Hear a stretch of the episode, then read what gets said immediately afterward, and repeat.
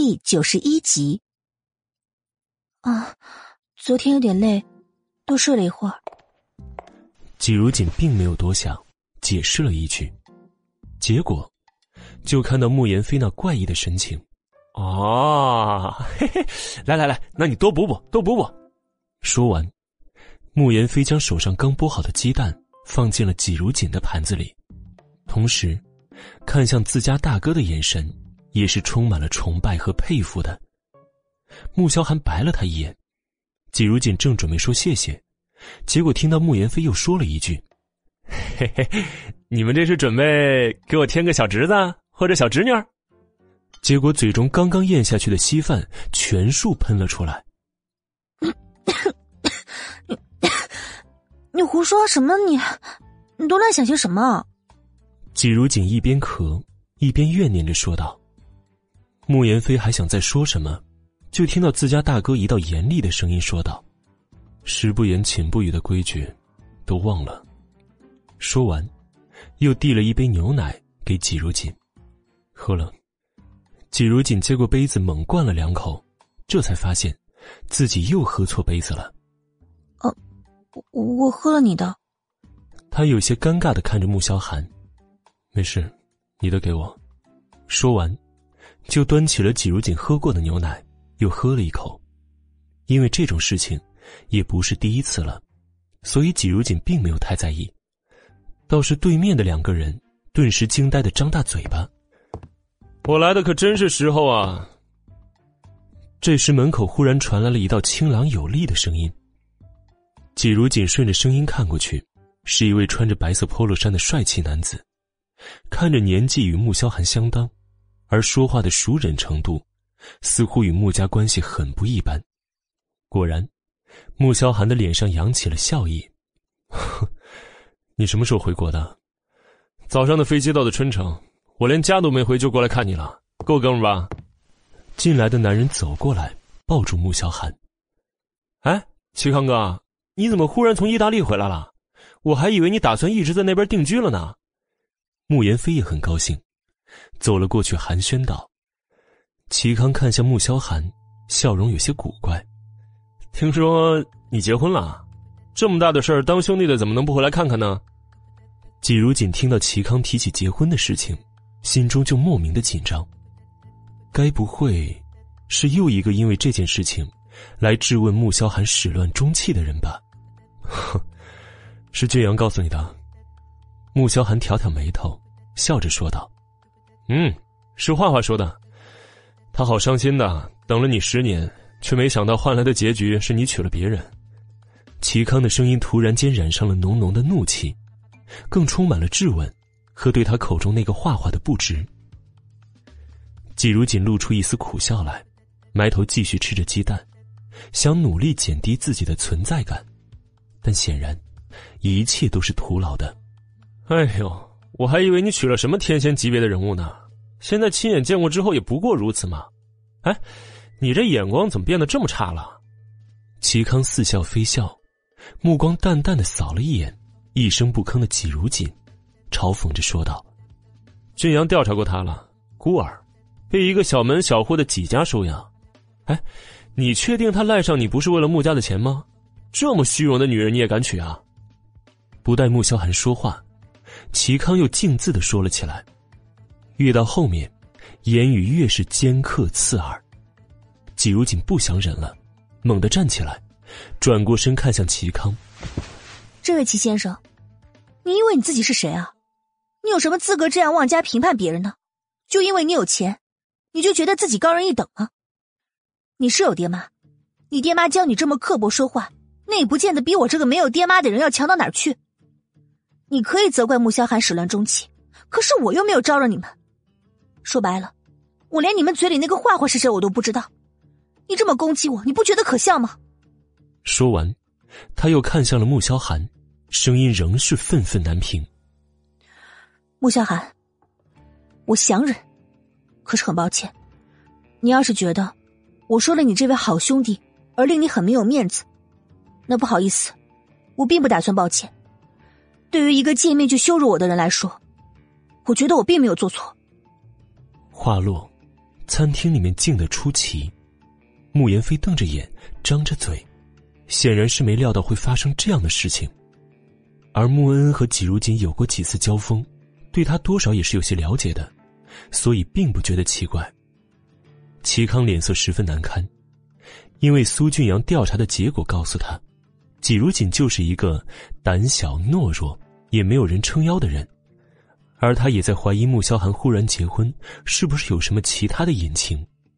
加上这一个多月来，看到苏画郁郁寡欢、心事重重的，上个月排练的时候，更是因为走神不小心扭伤了脚，他就再也忍不住跑了回来。穆萧寒神情淡淡的说道：“你刚才确实说错话了。”这话一出，季如锦心口猛然一僵，虽然心中隐约猜到了他会责怪自己。第九十二集，齐康却得意的勾起了一丝笑容。果然，他猜的没错，穆萧寒对这个季如锦根本就不在乎。只是，接下来又听到穆萧寒说。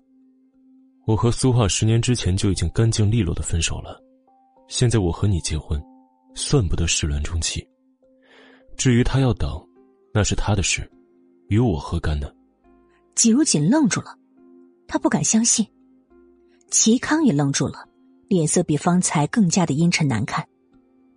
穆萧寒，你说这些话，就不怕画画伤心吗？他等了你十年呢，十年。一个女人最好的青春都用来等待了，你怎么可以狠心说出这种话？齐康神色暴怒，拳头捏得咯咯作响，那模样好像根本要揍他一顿似的。我说过，我没有要他的，去意大利正好圆了他舞蹈家的梦，现在他成功了，不是吗？穆萧寒说着凉薄的话，好像真的对苏画已经彻底遗忘了一般。可是季如锦却留意到他攥紧的双手，他其实还是很爱那个叫苏画的女子吧。只是明明对方也在等他，为什么非要互相折磨呢？这之间是有什么隐情和苦衷吗？齐康听他这么说，再也忍不住了，捏着拳头就朝着穆萧寒挥过来。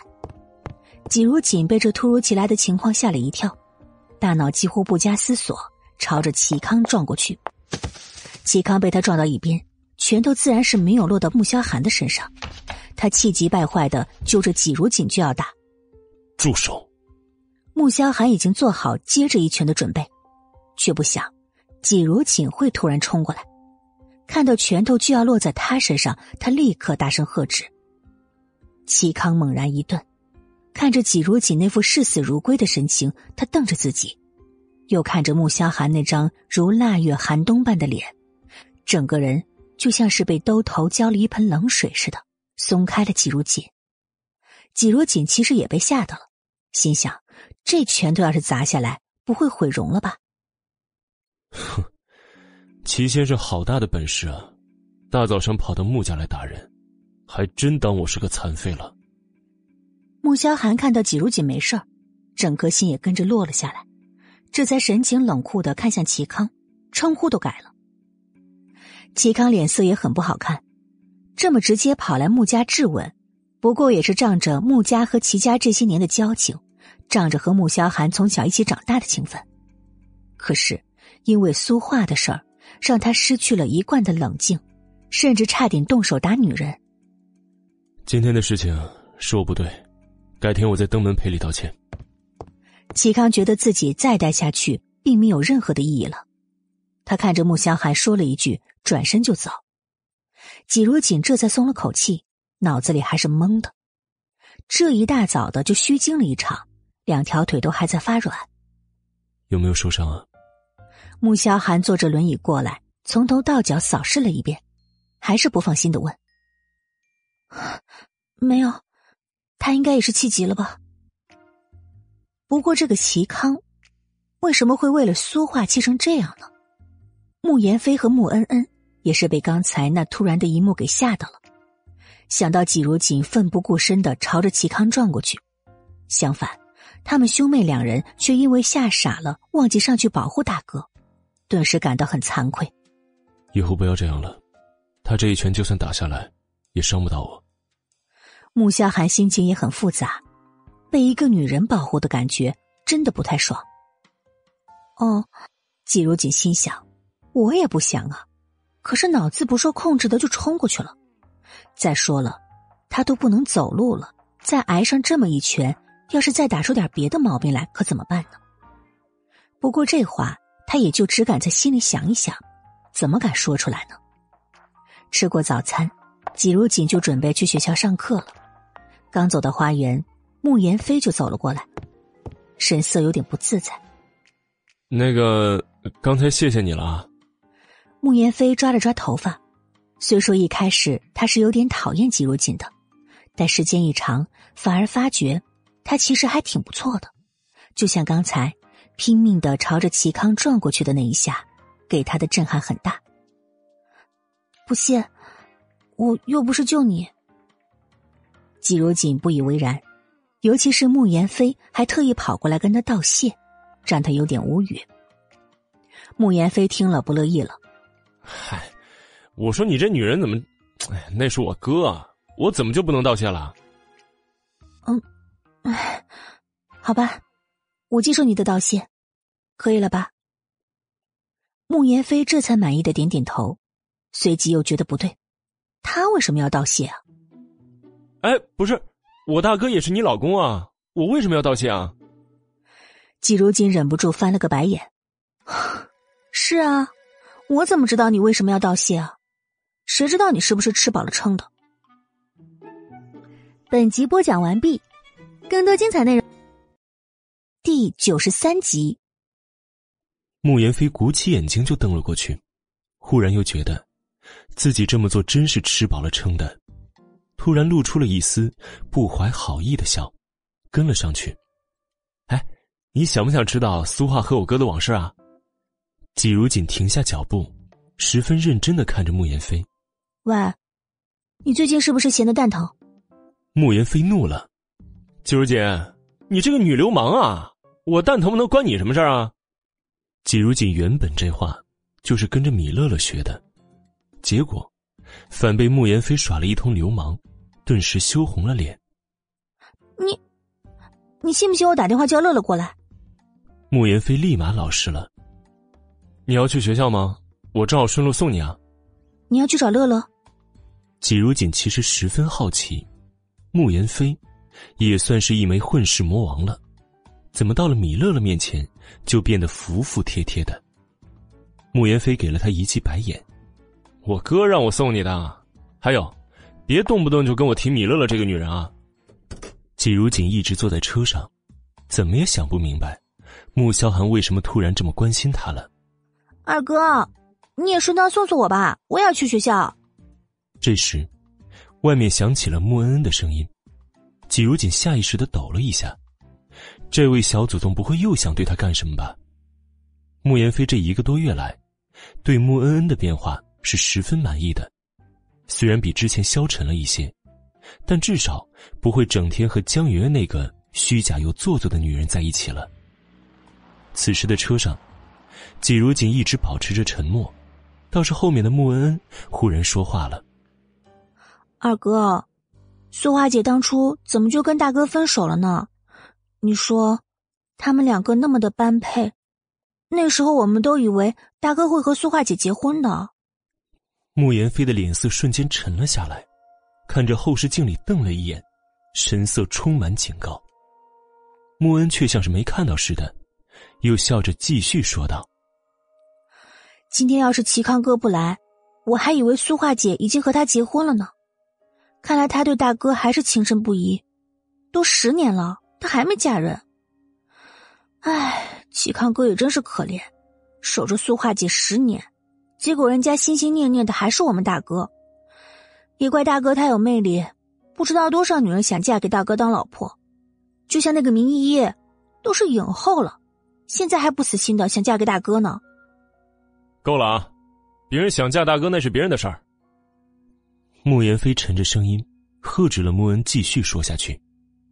穆恩并不像往常那样在说什么，靠在椅背上哼起了歌。但是季如锦的胸口却闷得厉害。江媛媛、苏画，现在又蹦出一个明一隐，他真不明白，这么多人都想嫁给穆萧寒，为什么他偏偏选中自己来做这样的一个冒牌妻子？而想嫁给穆萧寒的这些人，没有一个不是厉害人物。江媛媛是市长千金，苏画的家世怕也十分显赫。至于明一隐，他就更加清楚了。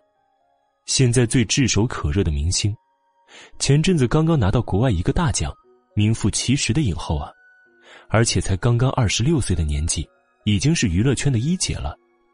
随便出席一个活动，代言个品牌就是上千万的。穆言飞将季如锦在 A 大门口放下。这才瞪向了后座的穆恩恩。你没事说那些话干什么呀？穆恩恩看向窗外，若无其事的回了一句：“没干什么呀。”穆言飞拿不准他打的什么主意，但又不愿意逼他，于是发动车子往穆恩恩的学校驶去了。A 大六月十八号正式放假，季如锦在快餐店里面忙到了晚上十点钟，结了当天的工资。拿出钱包一看，已经攒了三千块钱了，打算去银行将钱存起来。收拾好东西，背着包就往快餐店对面的银行走去。结果，进入柜员机之后提示暂停服务，只好去另一条街那边的银行存钱了。此时夜晚，路上行人很多，尤其是分别在即的情侣们，一个个卿卿我我抱在一起。看得季如锦十分辣眼睛。等到了隔壁街，季如锦开始找起银行来，忽然，目光落在了对面的几个人身上。当他看清其中一人正是穆恩恩的时候，便愣住了。这大晚上的，他在这儿做什么呢？而且，还是和几个小混混、小青年在一起，尤其是那几个小青年，还对着他动手动脚的。穆恩恩和同学们约好来酒吧玩，等到了酒吧，结果同学就扔下他去了舞池了。紧接着，就有几个纹着身、画着吸血鬼妆、一头杀马特发型的小青年走过来，勾搭他。虽然对自己长相一直十分有自信，可被这种人缠上，他还是十分烦躁的。美女，请你喝一杯怎么样啊？为首的一个穿着白色背心、牛仔裤。耳朵上戴着一个银色大耳环，染着紫红色头发的人。第九十四集，穆恩恩不是善茬，也明显知道这几个人是不怀好意的，嘴角勾起一丝冷笑，将酒推过去。不用了，我要喝也会自己买的。他以前经常混酒吧，对这种习以为常了，只是。自从江媛媛那件事之后，他对什么都有点心灰意冷，看人的眼神也变得不屑一顾。哟，够辣呀！我就喜欢你这样的，要不如咱们交个朋友吧？怎么样啊？小青年倒是来了兴致，摸了摸下巴，看着穆恩恩胸前鼓鼓的地方，又看了一下他精致的小脸儿，眼底闪过一道不怀好意的笑容，同时朝着自己的同伙使了个眼色，哼。就你们，也配？穆恩恩笑起来，朋友哪是那么好交的？他穆恩恩把江媛媛当嫂子，当最好的朋友，可结果呢？小青年儿本就想在兄弟面前嘚瑟一下，结果穆恩恩不给面子，还让他在兄弟面前出了丑，顿时怒火中烧，面上却仍是皮笑。哼，我们怎么就不配了？穆恩懒得跟这些人纠缠，从钱包里掏出两张钱，放在了桌子上，转身就要走。几个小青年马上也跟过去。你们最好给我滚开，否则，别怪我不客气。穆恩看着一直缠上自己的几个人，生气的瞪起眼，吼道。然而这些小青年并不将他的怒气放在眼中。哟，我们好怕呀！小青年夸张的装出一副又惊又怕的模样，说完就哈哈大笑起来。你们，你们！穆恩气的瞪着眼前的几个人，完全没有危险意识。我们怎么了？我们就想跟你交个朋友，妹妹，来，乖乖的叫声哥哥来听啊。小青年朝穆恩恩走过去，笑得邪恶又下流。穆恩恩往后退，可是却发现自己的路都被堵住了。这时他才意识到自己很危险。季如锦看着穆恩恩被四五个小混混拖到了后面的小巷子里，心中一突，整个人都慌了。他站在原地，急得跺了跺脚。突然看到旁边的饭店里，老板正端着一盆冒着滚滚热气的水出来。季如锦马上想到了主意。巷子里，穆恩恩被几个小混混拽住了，为首的抢了他的包，从里面掏出了一叠现金，顿时眼睛都亮了。看不出你这小妞还蛮有钱的嘛！你们拿了钱，放我走吧。穆恩从来只有被人捧着，所以就算是遇到这种事儿，他也没有办法低声下气的求放过。放你走？你这么漂亮，不让哥几个尝尝味道，实在太可惜了吧？为首的小青年在穆恩脸上摸了一把，啧啧的笑起来。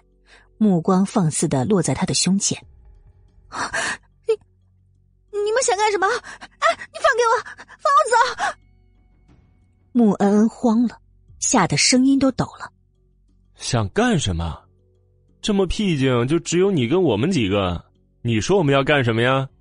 小青年说完，手往穆恩恩的胸口上抓。住手！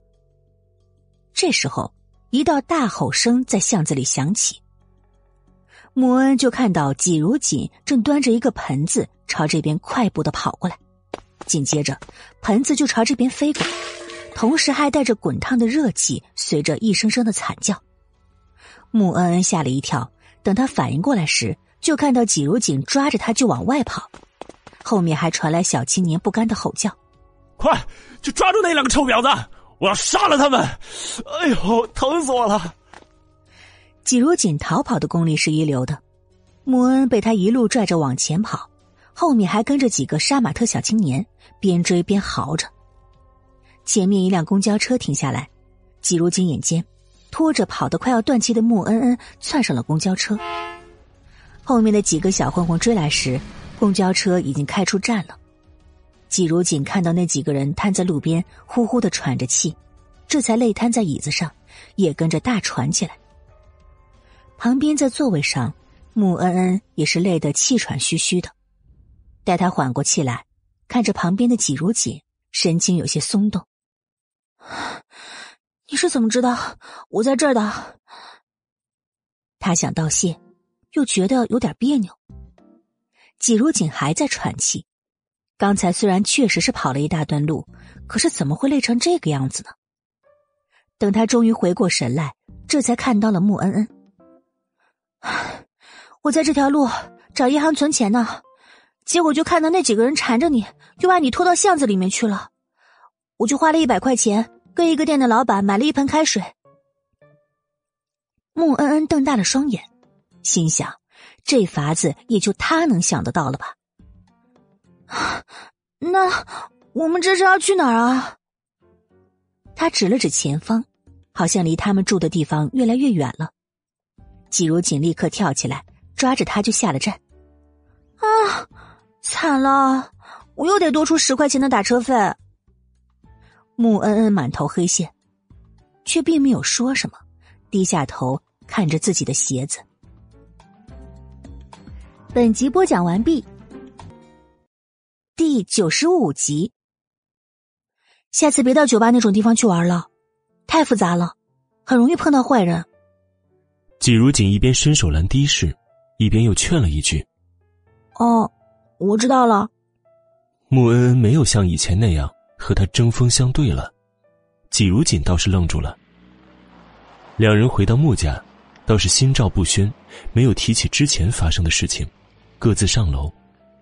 季如锦放下包，进入洗手间，这才看向被烫红的手背。刚才在巷子里时。他将那盆滚烫的水朝那几人泼去时，有些水溅到了手背上。他当时只记得带穆恩逃命，也没有什么感觉。一直到了的士上，这才发现手背上疼的难受，但又不想让穆恩内疚，于是就一直忍着。他打开水龙头，在冷水下面冲洗起来。手怎么了？门口忽然响起了男人的声音，季如锦吓了一跳，连忙关了水。没事，就是不小心烫到了，冷水浇一下就好。我看看。穆萧寒知道他什么事情都喜欢死撑的个性，并不放心。进了洗手间，捉住他的手一看，不禁皱着眉头：“怎么这么不小心啊？烫成这样，也不知道涂药，是打算明天变成猪蹄吗？”季如锦无语的撇了撇嘴：“嗯，我洗个澡就上药，不然上了药就不好洗澡了。”穆萧寒倒没有为难他，看着他额上的碎发，已经被汗水湿透了。确实要洗个澡才能上药，便出了浴室。洗完澡，季如锦刚从浴室里面出来，就看到穆萧寒手上拿着一支药膏，正等着他。我自己来吧。他走过去，要接过药膏自己涂，却被男人一记冰冷的眼神制止了。他只好乖乖坐下，将手伸到了男人面前。穆萧寒握住他的手指，放在掌心，另一只手。将药膏均匀的抹在手背上烫红的地方。看着男人细心温柔的为自己涂药，季如锦心中暖暖的，又有些难受，莫名的问出了这两天一直他纠结的问题：“你和那位苏小姐，为什么不能在一起？你还爱着她是吗？”这句话刚刚问出口，季如锦就懊恼自己多事了，更怕惹得穆萧寒不开心，连忙改口说道。我只是，嗯，只是觉得你们挺可惜的。只是这话说出来，他自己都觉得有些言不由衷。穆萧寒抬起头来，紧紧的盯着他，有一种复杂的情绪在涌动着，好似要将他吞没一般。季如锦像是感知到了什么，心口猛地一跳，下意识的转过头去，将脸别向了一边。不敢再去看这男人的双眼。你希望我和苏画在一起？男人并没有发脾气，只是声音略微有些低沉，似疑惑，又有些紧张。啊！季如锦愣住了，看向男人时，猛地撞进了一泓深潭当中，差点沉溺进去。哦，这是你和他的事，我只是一个外人。季如锦很快恢复了理智，什么话该说，什么事能做，他是十分清楚的，也从不会有什么不切实际的妄想。穆萧寒的脸色突然一沉，却并没有再说什么了。到第二天，季如锦因学校放假，也不用到快餐店兼职，便没有出门，准备晚些时候再出门存钱，顺便看一看，有没有什么其他好的兼职工作。喂，你今天有空吗？季如锦在书房里面收拾东西，穆恩恩忽然走了进来，有些别扭的问了一句。看到穆恩恩，他有些意外，点了点头说道：“我也放暑假了，那个，我想出门逛街，一个人太无聊了，你陪我呗。”穆恩恩咬着牙，硬着头皮说了出来。然后紧紧的盯着季如锦，那神情好像是，他要敢说不陪，就和他闹似的。季如锦吓了一跳，第一个想法就是，这位小祖宗该不会又想出什么幺蛾子来恶搞自己了吧？但是又觉得，他眼底那种隐隐的期待，让人无法拒绝。他点点头，就看到穆恩咧开嘴笑了起来。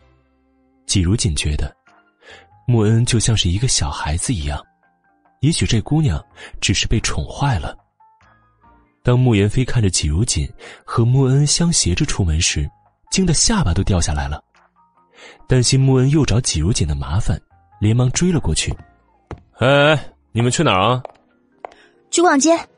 二哥，不如你送我们吧。穆恩看到穆言飞过来，立即高兴的粘了上去。穆言飞有些复杂的。在季如锦和穆恩两人身上看了看，你们真是要去逛街啊？他都有点怀疑，恨不得将季如锦从穆家赶出去的穆恩恩，是不是又在心怀鬼胎了？季如锦其实也有着同样的担忧，出门时，还特意拉上了米乐乐，穆恩倒是十分坦然的点点头。上车吧。穆言飞没有拒绝。第九十六集，三人到了商场，穆言飞看到米乐乐时，顿时觉得有些蛋疼。哟，穆二少爷来逛街啊？该不会又是装了一肚子的坏水吧？米乐乐对穆言飞和穆恩恩是痛恨无比，见到这两个人就跟刺猬似的，竖起了浑身的尖刺。穆言飞咬了咬牙，告诉自己好男不跟女斗，但又真的担心穆恩恩要干什么坏事儿，只能忍着一肚子的火。米乐乐怼完穆言飞，又准备怼穆恩恩，话刚要出口，就被季如锦给拉住了。我们去楼上看看吧，你不是正好想买衣服吗？米乐乐知道他这是想当和事佬，瞪了一眼，再没说话，就往楼上走。穆恩恩也松了口气，连忙跟上去。到了二楼，三个女孩进了服装店，穆恩恩一边看衣服，时不时的又望向了季如锦。逛了三家店，他终于忍不住了：“你怎么不买啊？”“嗯。”我还有好多衣服没穿呢，不用买的，而且这里的衣服太贵了。季如锦也没有多想，他觉得自己这几年都不用买衣服了。穆恩撇了撇小嘴，什么话都没说，走到一家包店，冲着季如锦问：“喜欢哪个？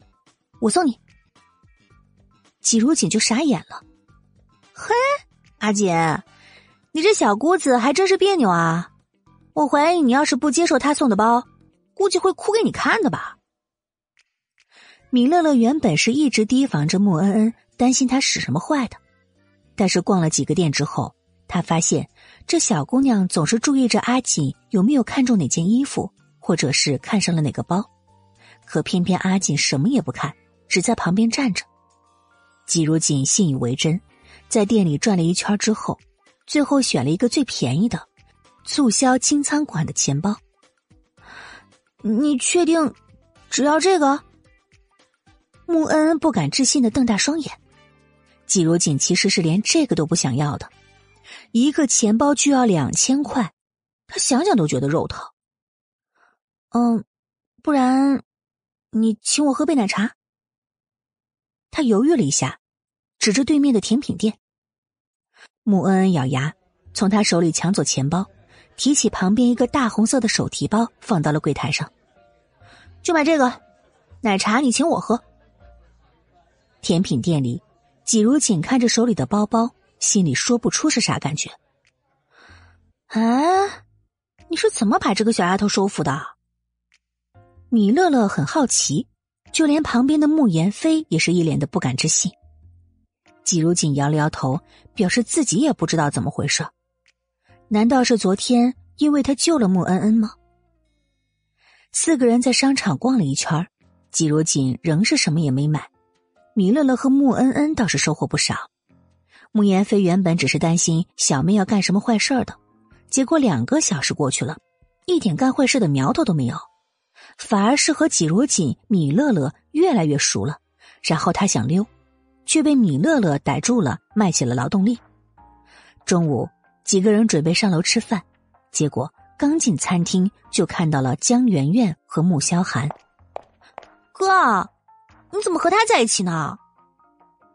穆恩恩看到江圆圆时，脸色垮下来，走过去质问。江圆圆的脸色也好不到哪儿去，尤其是看到穆恩恩竟然和季如锦手挽着手进来的，尤其的难看。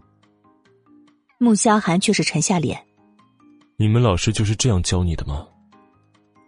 穆恩恩气呼呼的瞪着他，江媛媛却是得意的笑起来，面上却装出一副亲热的样子，走到穆恩恩的身边就要挽着他。恩恩，你来的正好，我和韩哥哥要点菜呢，其中就有你最喜欢吃的香芋排骨。江媛媛完全忽视了季如锦和米乐了，穆恩恩用力的抽回手。不用了，然后拉着脸又回到了季如锦的身边。你们继续。季如锦也没想到穆萧寒会和江圆圆在这里约会，面上很尴尬，心情也不好。可是他也不是那种不识趣的人，自然也不会硬处在这里破坏别人的约会。于是转头看向了穆恩恩和米乐乐，不如我们去隔壁那家店吧。穆恩恩真的快要被气死了。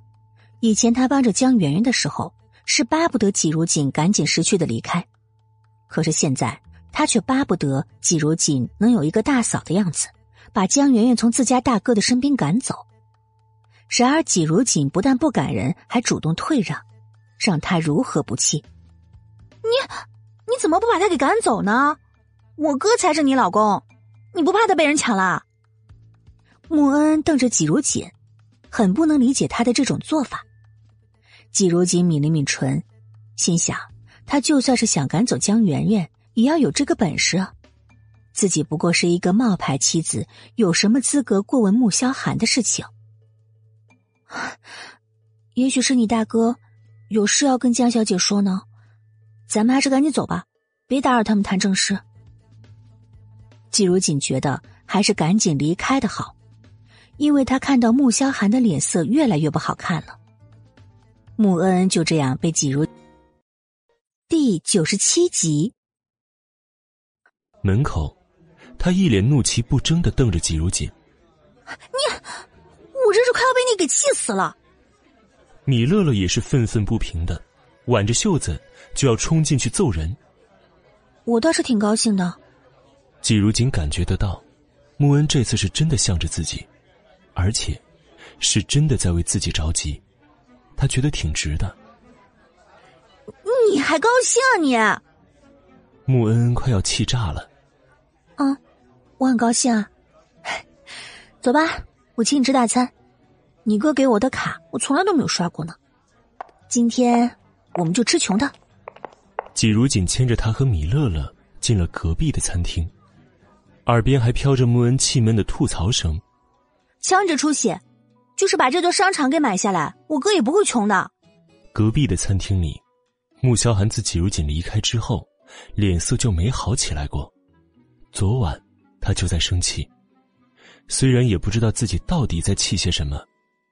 早上刚到公司，便接到严飞的电话，季如锦和穆恩约着来逛商场，他当时愣了愣。小妹一直十分排斥季如锦，两个人怎么突然玩到一起了？十点钟的时候，江圆圆借口还钱提出见面，她心中一动，便主动报了这家餐厅的名字，就是算准了今天中午穆恩一定会到这家餐厅吃饭。结果，他的确是算准了，却没想到，季如锦竟然这么大方的就把他让给了江圆圆，主动退出了。这女人难道就真的一点也不在意他吗？穆萧寒全程黑着脸，也没有碰一下餐桌上的菜，以至于江媛媛也是味同嚼蜡，心中忐忑不安的。韩哥哥，你是不是还在生我的气啊？穆萧寒抬起头，发出一声冷笑：“哼，你不是来还钱的吗？饭也吃了，钱也该还了。”他还要到隔壁去找那个蠢女人算账呢，没时间在这里瞎耗。江圆圆一脸俏丽的、精心装扮过的脸，顿时难堪至极。他哪里还有钱呢？将近七百万，他根本就还不起。说是还钱，不过是为了找个借口接近穆萧寒，想趁机勾引他罢了。可哪儿想到，他连正眼也不看一下自己，甚至。桌上的饭菜也没碰，这可让他怎么办呢？季如锦几人吃完饭，并没有打算立即就走，而是继续坐着，又让服务员上了两壶茶，准备喝了再走。你们先歇一会儿，我去结账。季如锦说了请吃饭，那就是打算请的，并且是要用穆萧寒给他的那张卡。到了柜台结账的地方，他毫不犹豫的从包中掏出穆萧寒给他的卡。交给收银员。哼，如锦，真是好巧啊！这时身后忽然响起一道声音，季如锦听到这声音，背脊猛地一僵，转过身来看向门口。你，姐夫，差点直呼其名，但又立即改了口。别别叫我姐夫，我和明轩只不过是订婚罢了。宁俊走了进来，一改之前的绝情冷漠，目光灼灼的看着季如锦。季如锦听了，脸色一变，心想：难道宁俊和纪明轩的感情出了问题吗？小姐，这是您的卡，请您收好。收银员在旁边，将卡和一张消费单一并放在了季如锦的面前。季如锦拿起消费单看了一眼，见没有错。这才准备将卡收回包里面。这张卡是穆萧寒给你的。宁俊的目光紧凝在季如锦手中的黑金卡上，神色深沉难测。季如锦有了被江媛媛抢卡的经历，立即警惕起来，敷衍的点点头，立即将卡装进包里面。还有人在里面等我。他和宁俊实在是无话可说了，转身就要走。可是却被从后面猛地拉住了手。哎，你做什么？放开我！季如锦瞪住了他，充满了防备。宁俊却笑了起来：“ 如锦，你何必这么防着我呢？大庭广众的，我还能对你做什么呀？只不过是很久没见你了，想和你叙叙旧罢了。我和你没什么可说的。宁俊，你这样就不怕我姐知道吗？”季如锦冷冷的看着他，对于宁俊这种人渣，他实在是给不了什么好脸色。宁俊的脸色变得难看起来。以前他以为纪明轩大度善良，可自从订婚之后，就暴露了真面目了。而且，因着最近几世成功上市，纪明轩的态度也是越来越嚣张跋扈，一点不讲道理。你姐，哼，我有什么好怕的呀？如今啊，你也不用怕，不管怎么说，你现在也是穆家的少夫人，你姐就是再嚣张，也不敢对你怎么样。宁俊仍抓着季如锦的手不放，一双目光紧紧的缠着季如锦的脸庞，露出了可惜的神色，继续说道：“造化真是弄人呢，以前我以为和你姐结婚会对我的事业有所帮助，可没想到她不但一点也帮不上我，还总是跟我吵架，让我分心。”但你就不一样了，一直很懂事、乖巧。如锦，你现在过得幸福吗？我怎么觉得你比以前瘦了很多啊？是不是穆家对你不好啊？刚才我还看见你的那位残疾丈夫正跟江市长的千金约会呢。其实你也是为了钱嫁给他的吧？我也没想到和明轩订婚的事情会给你带来这么大的打击。第九十八集。季如锦如果之前还弄不清楚宁俊要做什么，但这下总算是清楚了。他用力抽回手，毫不留情的拆穿：“你对自己也太过有自信了吧？我嫁给谁和你没有半毛钱的关系。至于我丈夫，他是腿脚不便，但并不代表他就不能尽丈夫的责任。你既然和我姐订婚了，就请你一心一意的对她，别又想着从我这里得到什么好处。我是不会拿我丈夫的钱。”需要你这种小白脸废物的。说完，也不管宁俊脸色有多难看，转身走进去。对面餐厅的门口，正好出来的穆萧寒和江媛媛清楚的看到了这一幕。虽然没听到两个人在说什么，但看到宁俊抓着季如锦的手的时候，穆萧寒周遭顿时像是凝结了一层寒气，就连江媛媛也感受到刺骨的冰冷。江媛媛后退两步。趁着穆萧寒目光紧锁在对面两人的身上，拿出手机将这一幕给拍下来。汉哥哥，对面是启小姐和她的前男友吧？没想到他们还有联系。明知道你就在对面吃饭，还这么明目张胆的拉拉扯扯，哼，太过分了吧！拍好照，江媛媛不遗余力的挑拨起来。不过，穆萧寒虽然很生气，却不是那种没头脑的人。江小姐，我这个当老公的都不生气，你在这里激动什么呀？你只要记住，每个月把钱打进这个账号就可以了，否则，我就只好亲自去江市长的办公室要债了。淡淡的一句威胁，让江媛媛顿时住了嘴，站在后面气得浑身发抖。他看向对面的季如锦时。目光里散发着浓浓的怨恨。从商场出来，江圆圆立刻拿出手机拨了一个号码，马上给我查几是纪明轩的手机号码。挂掉电话没多久，手机里滴的一声，江圆圆打开手机一看，是一个手机号码，她立刻加入通讯录，将刚才走楼上拍到的照片发过去。景明轩收到照片时，正在做脸部护理，当时整个人就坐了起来，眼底露出极度阴冷之色。哼，季如锦，你这个贱人！四人在商场一直逛到了晚上，又吃了晚饭才回家。刚进客厅，季如锦、穆恩恩、穆言飞三人就看到穆萧寒一个人坐在餐桌边上吃饭。哥，你怎么这么晚才吃饭啊？穆恩恩神经大条，早把中午的事情忘得一干二净了。穆萧寒继续吃着，头也没抬。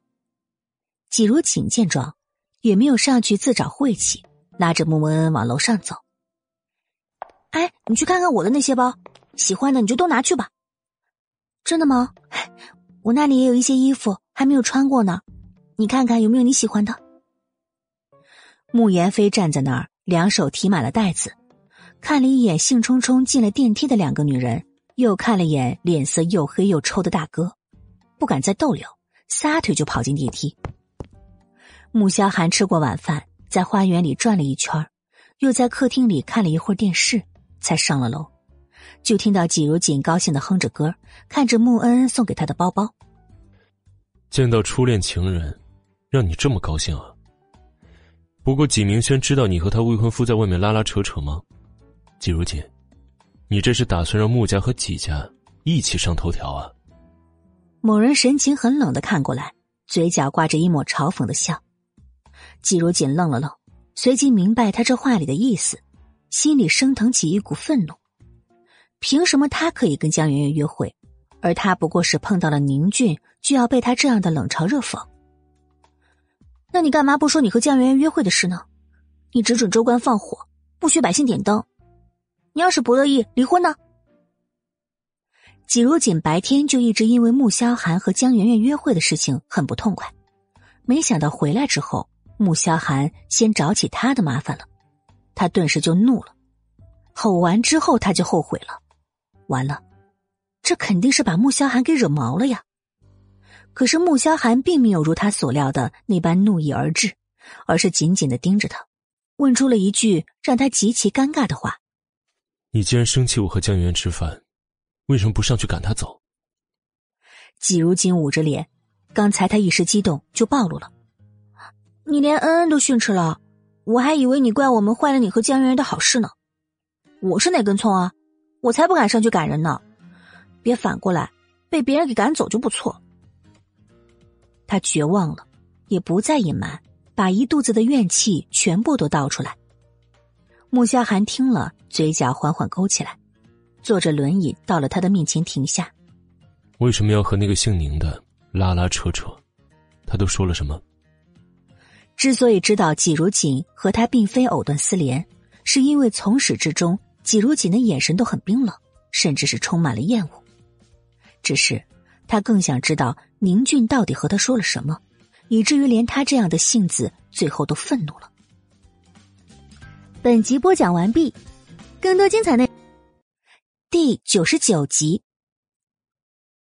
没什么，我就是说了些难听的话，我警告他几句就走了。季如锦肯定不会把宁俊的话复述给穆萧寒的，那样实在是太伤人了。突然，他看向了穆萧寒的腿：“你有没有去医院做过理疗啊？医生怎么说的？以后还能走路吗？”想到宁俊骂穆萧寒是残废，他就十分生气。穆萧寒的眼底闪过了一丝意外的神色，难道他察觉什么了吗？怎么忽然关心起我的腿了？他不动声色的问着。没什么，要不然我明天和你一起去医院做检查。季如锦想到他的腿是被自己给伤成这样的，还要被人骂是残废。心中极度愧疚不安，决定趁着还没有出去找工作，先陪他到医院好好的检查一下。好啊，穆萧寒不知道他有什么算计，不过还是准备顺着他的意思静观其变。到了晚上，季如锦做了一个噩梦，梦到了很多人围着穆萧寒，指着他骂着残废，没用的残废。他气得发抖，冲上去推开那些人，大声的吼着：“他不是残废，不是，他不是残废！”穆萧寒被季如锦的梦话吵醒了，睁开眼。就看到季如锦紧闭着双眼，眉头紧紧皱在一起，不停的喃喃着：“不是残废，不是的，我老公不是残废，你们都是坏人。”他的心猛地一颤，好像有什么要从胸腔里面冲破一样。到了早上，季如锦迷迷糊糊的睁开眼，就看到了一件十分可怕的事情，他发现。自己竟然被穆萧寒抱在怀中，脸贴着男人的胸膛，脑袋枕在了男人的手臂上。你昨天对我做什么了？他猛地坐起来，羞愤的质问道。穆萧寒也缓缓坐了起来，冷笑着反问道：“为什么不是你对我做了什么呢？我的脚都残废了，你觉得我还能对你做什么？”季如锦顿时就蔫头巴脑的，一句话也不敢说了。可是以前都还好好的，怎么昨天晚上就跑到人家怀里了？他会不会以为自己太开放了？又会不会以为自己是存心想要勾引他？其实，昨天就是穆萧寒看到他做噩梦，然后将他搂进怀中，顺便还尝了一把他甜甜软软的唇，直到差点控制不住，这才叹息着放开他。结果没多久。又忍不住将他抱进怀里面，这才满足的睡了过去。哪知，季如锦一大早起来就这么嫌弃的反应，让他十分不爽，就反咬了一口。看到他乖乖的不吭声了，这才痛快了一点。医院里面，季如锦把穆萧寒送进 CT 扫描室的时候，就紧张起来。而此时，在扫描室里面，穆萧寒端了一杯咖啡。正慢慢的品尝着，boss，是不是纪小姐发现什么了？怎么突然提出要陪你看医生啊？易灵看了眼十分淡定的穆萧寒，好奇的问了一句。穆萧寒装腿残已经十年了，然而为了拐骗纪如锦签下协议，有意的误导他，让纪如锦以为是因为酒店那晚的重击而造成双腿失去知觉的。你去调查一件事情。穆萧寒想了想，朝易灵吩咐了一句，这才看向旁边同样老神在在的喝着咖啡的穆子饶，把骗子弄得真一点，就说只要做个一年半载的物理治疗，就有痊愈的可能了。听了这话，穆子饶一口咖啡当即喷了出来，连忙拿纸巾擦起来。嘿，哥，你这么耍自己老婆有意思吗？你就不怕他以后知道真相了跟你闹啊？穆子饶十分郁闷，竟然要他骗人，这也太没有职业道德了。穆萧寒想了想，一副十分认真的回了一句：“很有意思，他不敢闹的。”穆子饶无话可说了，愤愤的推开门走了出去。而外面，得到穆萧寒只要坚持物理治疗就可以站起来的消息，季如锦差点跳起来。以后，我陪着你，一起来做治疗。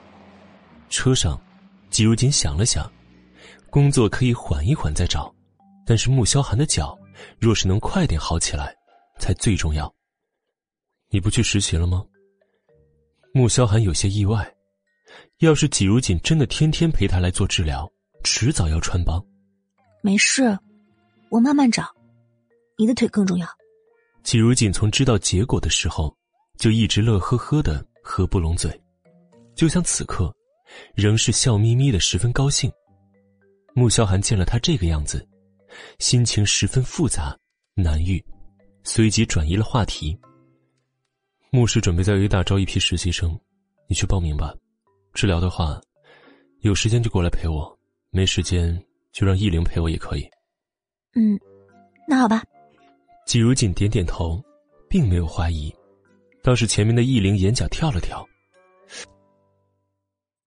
第一百集，商场外面的街道上，赵显站在烈日下发着传单，汗水把身上的衬衣都浸湿了，整个人被晒得头昏眼花，却还要咬牙坚持。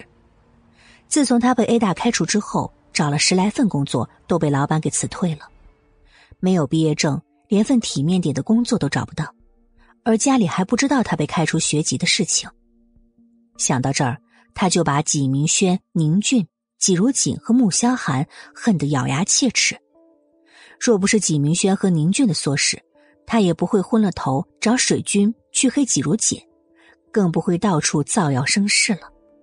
可季如锦和穆萧寒也太狠毒了吧，竟然逼学校开除了自己，让他前途尽毁，只能干着这种痛苦的工作。就在他心里怨恨深重的时候，目光落在了不远处的一辆黑色捷豹车。从上面走下来的，穿着一身名牌的季如锦和穆萧寒的身上，看着季如锦和穆萧寒，你心里是不是很恨呢？季明轩打着一把遮阳伞，款款走过来，停在了赵显的身边。赵显猛地转过头，像是看到仇人一样的瞪着季明轩。季明轩，就是你，你把我害成这样的！真的是我把你害成这样的吗？我花钱雇你办事，不是天经地义的吗？可是害你被开除学籍的却是他们夫妻，你要恨，应该恨他们才对啊！哼！纪明轩笑起来，一双红唇微起，说着狠毒的言语。另一旁的赵显莫名的打了个寒战。你对我说这些有什么用啊？我现在什么也没了。赵显冷冷的瞪着纪明轩，知道他又在打什么主意了。赵显，你说我漂不漂亮啊？如果让你为了我去毁了纪如锦，你愿意吗？纪明轩从昨天看到宁俊牵着纪如锦手的那张照片开始，心底的嫉妒淹没了理智。凭什么纪如锦能嫁进穆家那样的豪门望族？凭什么宁俊对她念念不忘？她不过是一个被父母抛弃的野种，凭什么处处要强过她呢？脑子里只有一个念头，就是不惜一切代价毁掉季如锦。赵显看向景明轩，明艳的五官，身材十分傲人，但总是一副盛气凌人的样子，高人一等的姿态让人很是讨厌。但这并不代表他就要拒绝送上来的美色。而对这一切都毫不知情的季如锦和穆萧寒下了车，走进了商场。原因是穆恩恩出来逛街，买了一大堆东西之后，发现没带钱。上了楼，季如锦看着穆恩恩坐在沙发上刷着手机，脚边上还放着几个精致的包装袋。旁边的穆萧寒看到这一幕，脸色沉下来。季如锦怕穆萧寒发火，连忙走过去。恩恩。你说要送我礼物，就是这些吗？穆恩恩一脸的懵，他为什么要送他礼物啊？等看到自家大哥那张臭脸的时候，他立刻懂了。哎，是啊，是啊。你不去公司吗？等会儿我和恩恩自己打车回去就行了。季如锦转回身，看向穆萧寒，心虚的催他两句。哼，很好。男人似笑非笑。转身就被易灵推着往电梯走去。季如锦站在那儿，只觉得他的那句“很好”充满了深意，心里莫名一抖，有种不好的预感。哎，你让五哥走了，这些东西怎么办呢？穆恩恩看着金主大人离开，顿时急得跳脚。他才不要退货呢，这也太丢脸了。我来给吧，我有卡。季如锦从钱包里拿出卡，放到了柜台上。穆恩恩一把抢过卡，眼睛都瞪直了。我哥的副卡，他把副卡给你了？啊？什么副卡？我哥有一张卡，主卡他拿着，而副卡就在你这儿。这里面的钱是和他的主卡绑在一起的。这卡你可得收好了，别再让人抢了。穆恩恩解释了一遍。末了，又有些不自然的提醒他一句。季如锦仍没明白过来，点点头，等收银员刷完卡，把账单给他，看清楚上面的数目之后，他整个人都不好了。回到穆家，季如锦特意打开电脑查了一下副卡到底是什么意思。等查清楚之后，他紧紧的握着那张卡，脸颊烫起来。下午，穆恩恩拉着季如锦在楼下的客厅里看电视，一边吃着冰西瓜，一边聊着剧情。穆蒹葭和江圆圆走进来，看到这一幕，脸色就变得不大好看了。恩恩啊，不是放暑假了吗？我打算带你和圆圆去马尔代夫度假，机票已经订好了，你快点上去收拾一下吧，咱们晚上就飞那边去。穆坚家走了过来，也不管穆恩恩答不答应，强行就为他做了决定。我才不去呢！这么热的天，去哪儿都不舒服。穆恩恩神色恹恹的说道，对穆坚家一副爱理不理的态度。新的免费书《凤临天下女商》，同样免费，同样好听，剧情超爽，而且已经很肥喽，可以开始宰喽。第一百零一集。穆蒹葭十分清楚，大哥这一家子都很不待见自己，但他没想到的是，现在连穆恩恩的态度也变了，不由冷冷的瞪向了罪魁祸首季如锦。嗯，马尔代夫四季如春的，这个时候去那边玩上一段时间，多舒服啊！江媛媛走了过来，在穆恩的身边坐下，亲切的挽着他的手，结果却被穆恩一把给甩开了。江圆圆，你能不能别恶心我？明知道我现在讨厌你，你还能装出一副若无其事的样子来？哼！不得不说，你还真是太会装了。穆恩猛地站起来，看着江圆圆的目光充满了厌恶。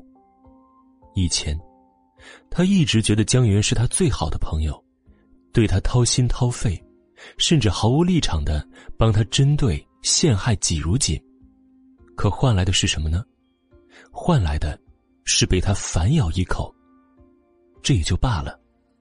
若是江源有自知之明，看到他绕道走，不像现在这样上赶着过来巴结他，他心中还能舒坦一些。至少能证明他江圆圆不是那种表里不一的人。然而江圆圆这几次的作为，让他只觉得自己当初真是瞎了眼，才会把这种人当成自己最好的朋友。江圆圆顿时气得眼睛都红了，一脸伤心的说道：“恩恩，我知道你在怪我在警局把你拉下水，可是我那也是逼不得已啊。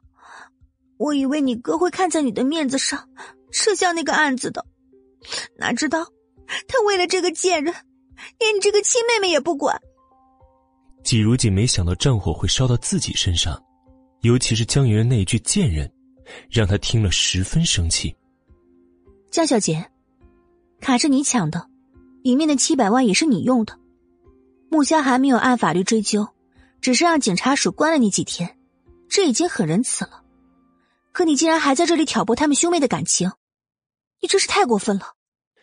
他倒是不怕穆恩变回从前那样对自己，但不希望穆恩因为江圆圆的话而与穆萧寒之间生出嫌隙。可他这话。却刺激了穆蒹葭和江媛媛。哼，你以为你是谁啊？敢用这种语气对江媛媛说话？马上向他道歉！穆蒹葭一脸怒气，指着季如锦的鼻子，大声的呵斥着。季如锦虽然胆小，却并不觉得自己说错了什么。但穆蒹葭好歹也是个长辈，他一时间不知道是该反驳还是该道歉了。小姑。你是江媛媛的干妈，你护着她我没意见。可是你站在我们家，指着我嫂子的鼻子，要她向这个女人道歉，你这话就算是说到总统那儿都没有个理。穆恩恩见到季如锦一脸不知所措的表情，就又气又郁闷，索性将他拉到一边。穆蒹葭没想到，穆恩恩不但没有怨恨季如锦，反而过来帮他跟自己作对，脸色一阵青一阵白的。嗯，你怎么能这样对我呢？我把你当成我最好的朋友，当成亲妹妹的，我只是做错了一次，你就这样的恨上了我，以前你说这辈子只承认我是你的大嫂，可这才多久啊？你不用报复我，就委屈自己喊这个女人做嫂子。江媛媛之所以敢在穆家如此任意妄为，一是因为穆蒹葭是她干妈，二则是因为穆恩恩的维护。可是现在，连穆恩恩也向着季如锦了。哼，哎，我真是快要笑死了！报复你，委屈我自己。江媛媛，你也太自信了一点吧？穆恩恩真是被气笑了，听了这些话，他越发觉得自己以前是不是脑子抽了，才会和这种人做朋友。小郭，我还要去背单词呢，失陪了。嫂子，我正好有一些语法弄不清楚，你是 A 大的高材生，你一定知道吧？你教教我吧。穆恩懒得在这里跟他继续啰嗦下去，找了个借口，拉着季如锦就溜了。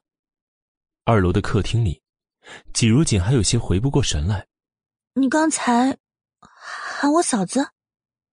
季如锦喝了一口水，这才有些不确定的答道。穆恩的脸蓦地一红，朝他扔过去了一记白眼。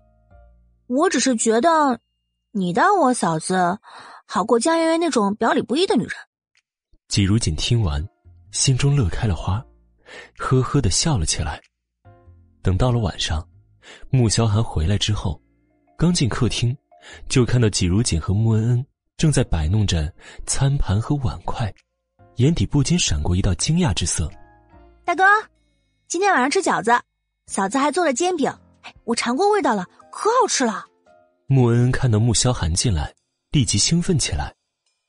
穆萧寒点点头，心中的惊讶越来越大，不由看向了季如锦，见他嘴角勾起了温柔的浅笑，眉眼之间全是愉悦。季如锦被他看得有些不好意思了，低下头就跑进了厨房。本集播讲完毕，更多精彩内容，喜马拉雅。第一百零二集，季如锦填好了去牧氏实习的申请书，第二天便接到了牧氏人事专员的电话，通知他下星期一正式入职实习。他看了看时间，离入职还有三天，又看了眼外面的天气，昨天一阵雨下来，春城倒是凉爽了不少。这时候，穆萧寒坐着轮椅过来。明天陪我去做物理治疗，做完治疗之后，我再带你买几套入职的工装。你怎么知道我要去牧氏上班？今天去人事部视察的时候，正好看了一下实习员工的履历，发现你也在里面。哪会有这么巧的事？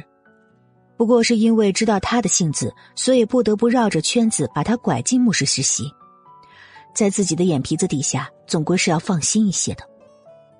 第二天。季如锦起了个大早，吃过早餐便陪着穆萧寒去了医院。本想跟着进治疗室的，结果却被医生挡在了外面，随即帘子也拉上了。啊，医生，为什么我不能进啊？嘿，要考虑到病人的自尊心呢。季如锦只好抱着包包，从包里拿出一本书看起来。而诊疗室里，穆萧寒从轮椅上站起来，脱掉身上的外套，露出精壮的上半身。走到旁边正在写着病历的穆子饶那儿，起来，陪我练一练。穆子饶像见鬼一般，连忙站起身，退开了几步。哎呦，堂哥，你饶了我吧！开什么玩笑？练一练，他又不是活腻了。更何况他这张脸可是这间医院的招牌，打坏了怎么办？那些大妈、大婶、大姑娘、小媳妇儿的，可都是要心疼的。然而他的反抗是无效的。一个小时之后，治疗室的门终于打开，季如锦连忙把书装进包里面走了过去，就看到穆萧寒满头大汗的坐着轮椅出来了。很累吗？我给你擦一擦吧。季如锦连忙从包里掏出一包纸巾，小心翼翼的在他的头上、脸上、脖子上擦起了汗。跟在后面捂着肚子、龇牙咧嘴、一脸痛苦状的穆子饶。扶着门框，只觉得自己内伤又加重了。他这辈子是倒了八辈子霉，才会有一个这么腹黑的堂哥吧？不，他上面两个哥哥也很腹黑，可是也没面前这位段数高啊。医生，你怎么了？季如锦给穆萧寒擦完汗，这才注意到撑着门框、一脸痛苦、捂着肚子的医生，不由得担心的问：“他没事，早上吃坏肚子了。”穆萧寒拉住他的手往外走，穆子饶气得差点一口血喷出来。从医院出来，季如锦又看向穆萧寒：“今天治疗怎么样？是不是很痛？”看到他满头大汗的出来，他心里很难受。不痛，只是脚使不上力气。穆萧寒看出他担心的样子，想到刚才他小心翼翼的为自己擦汗的模样，心就柔软起来，说话的声音也多了一丝温度和安抚。两人到了商场，穆萧寒带着他往女装品牌店走，营业员介绍了好几款工作装。季如锦在穆萧寒的要求下，每一套都试穿了一遍。看着这一套套单调的套装，穿在季如锦身上之后，都会透着一股娇媚诱惑气息。尤其是裙子下两条俏生生的大长腿露在外面，某人就蹙起了眉。他脑子里面突然想到了一个词：制服诱惑。把裙子换成长裤，墓室冷气太足了，穿裙子以后怕得风湿。某人大手一挥。做了一个决定的同时，还给自己的决定找了一个冠冕堂皇的理由。季如锦倒是没什么，因为他也不太喜欢穿 A 字裙，反倒是一旁的营业员一脸同情，又慑于旁边某人的强大气场，只能在心里替季如锦感到惋惜。买好套装，穆萧寒要易林先将衣服放到车上，而他则是打算和季如锦再看一看这家商场。季如锦来过好几次了。而他的衣服也够多。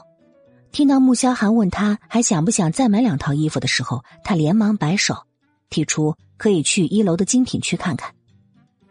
到了一楼，逛了一圈下来，季如锦的一张嘴都能塞一个鸡蛋了。每一样东西都很贵，看到标签上的价格，他就吓得啥都不敢问。嗯，那个，我要去一下洗手间，你在这等我，好吗？快点我在前面等你。穆萧寒指了指前边的电梯口，就操纵着轮椅往那边去。季如锦赶紧钻进洗手间，等他出来，往穆萧寒说的那个地方看，却并没有看到他的人影，心里一急，赶紧跑过去。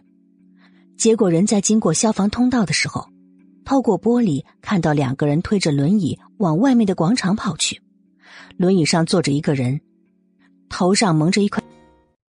第一百零三集，穆萧寒确实是被人绑架了。当头罩照下来时，他就知道有人想要绑架他。紧接着，其中一个人用尖利的东西抵在他的脖子上，他知道那应该是匕首或者刀之类的器具。虽然他可以轻易解决掉眼前的两人，但是他更想知道，究竟是谁绑架了他。是不是那个在茶水里下毒，让他饱受了十年痛苦折磨的幕后黑手？此时他并没有想过季如锦会看到他被绑架，也并没有想到他会不顾一切的追过来。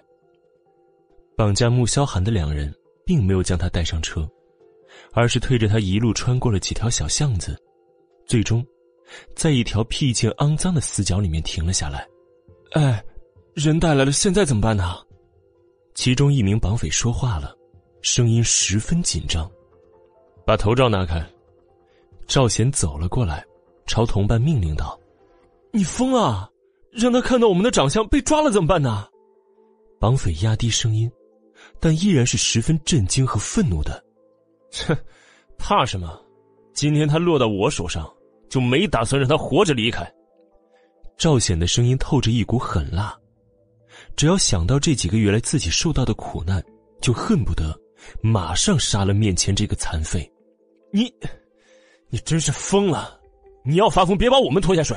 我们只要钱，我们可不想背上人命。其中一名绑匪吓得声音都抖了起来。就在这时，季如锦也追了过来，手中还举着一根从路边捡的粗木棍。你们想干什么？放了他！我警告你们，我已经报警了。警察很快就会过来。季如锦急得都快哭出来了，只想着穆萧寒两条腿不能走，连最起码的反抗和逃跑也做不到。那些人要是伤害他，可怎么办呢？季如锦也想不了那么多了，撒腿便追了过去。路上还顺道捡了一根粗木棍，想着多少可以防一下身。等他追到巷子里面，看到为首的人是赵显时，也是吓了一跳，马上便明白过来，他这么做的目的就是为了报复被学校开除学籍那件事情。哼，季如锦，等的就是你。赵显看到季如锦举着棍子冲了进来，不但没有被发现的害怕和紧张，反而十分得意的笑了起来。商场里面人多，根本就不好下手，所以，他先让人把穆萧寒这个残废给绑架过来，又让他们不要开车，也不要跑得太快，就是为了吸引季如锦追过来。结果，也正如他所料这般，听到这句话。穆萧寒不由皱起了眉头，心中暗暗说道：“唉，真是笨死了！遇到这种事情，应该先报警，再躲得远远的呀，怎么还追过来送死呢？”一时间，不禁为季如锦的智商感到十分的担忧。赵显，你快放了他！我已经报警，警察很快就过来了。季如锦也意识到。自己这样的做法的确极不明智，于是，壮着胆子撒了个谎。他哪有时间报警啊？慌张起来，连报警这回事也忘了。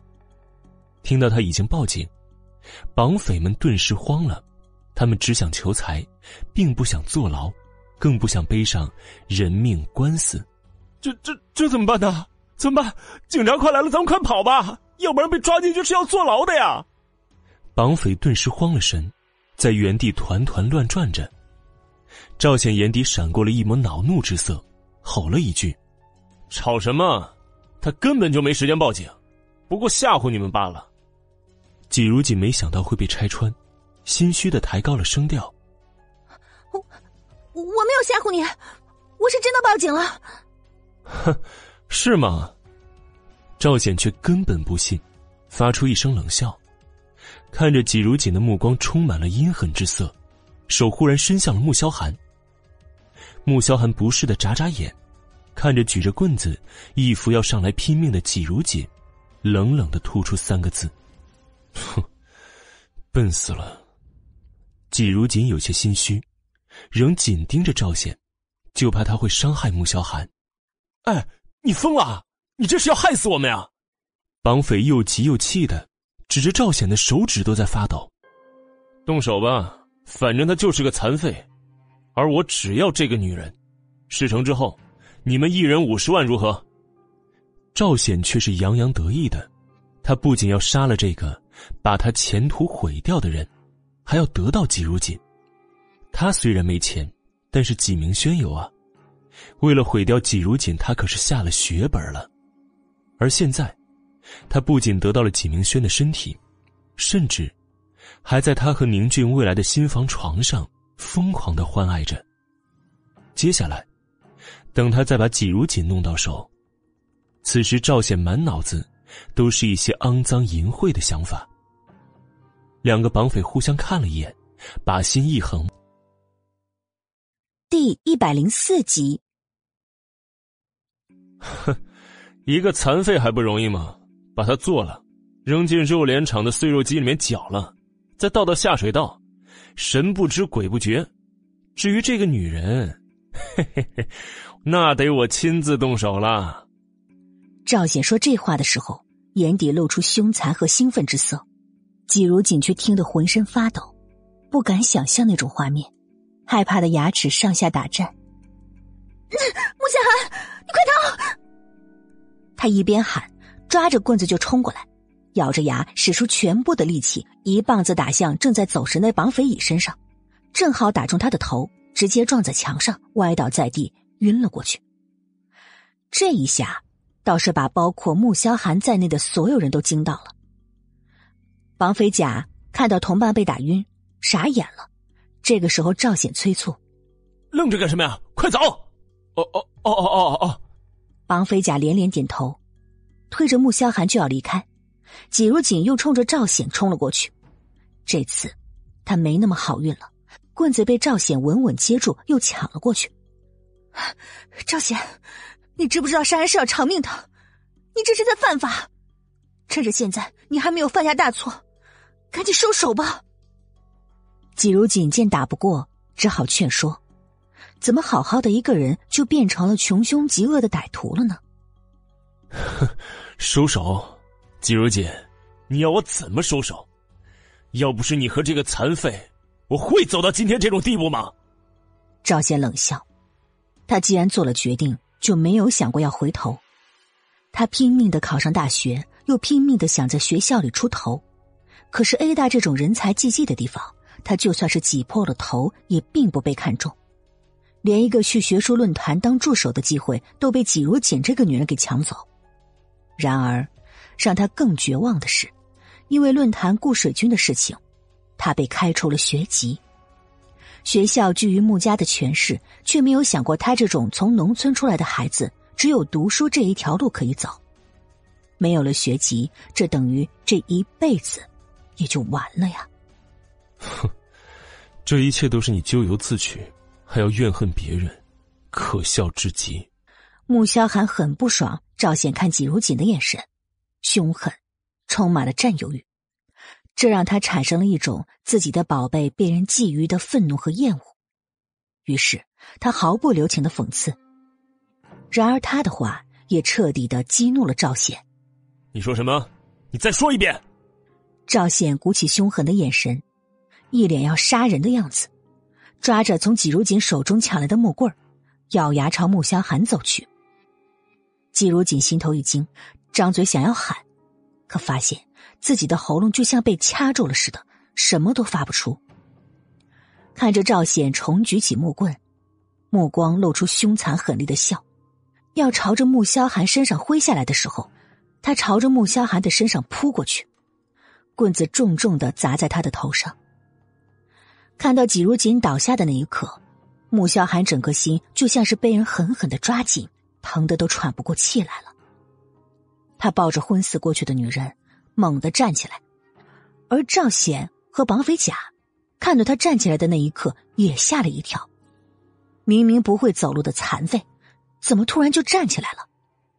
而紧接着让他们措手不及的是，穆萧寒将他放在地上躺好，从口袋里掏出一只比拇指稍粗一点的东西，轻轻一按，咻的一下变长，变成一根棍子。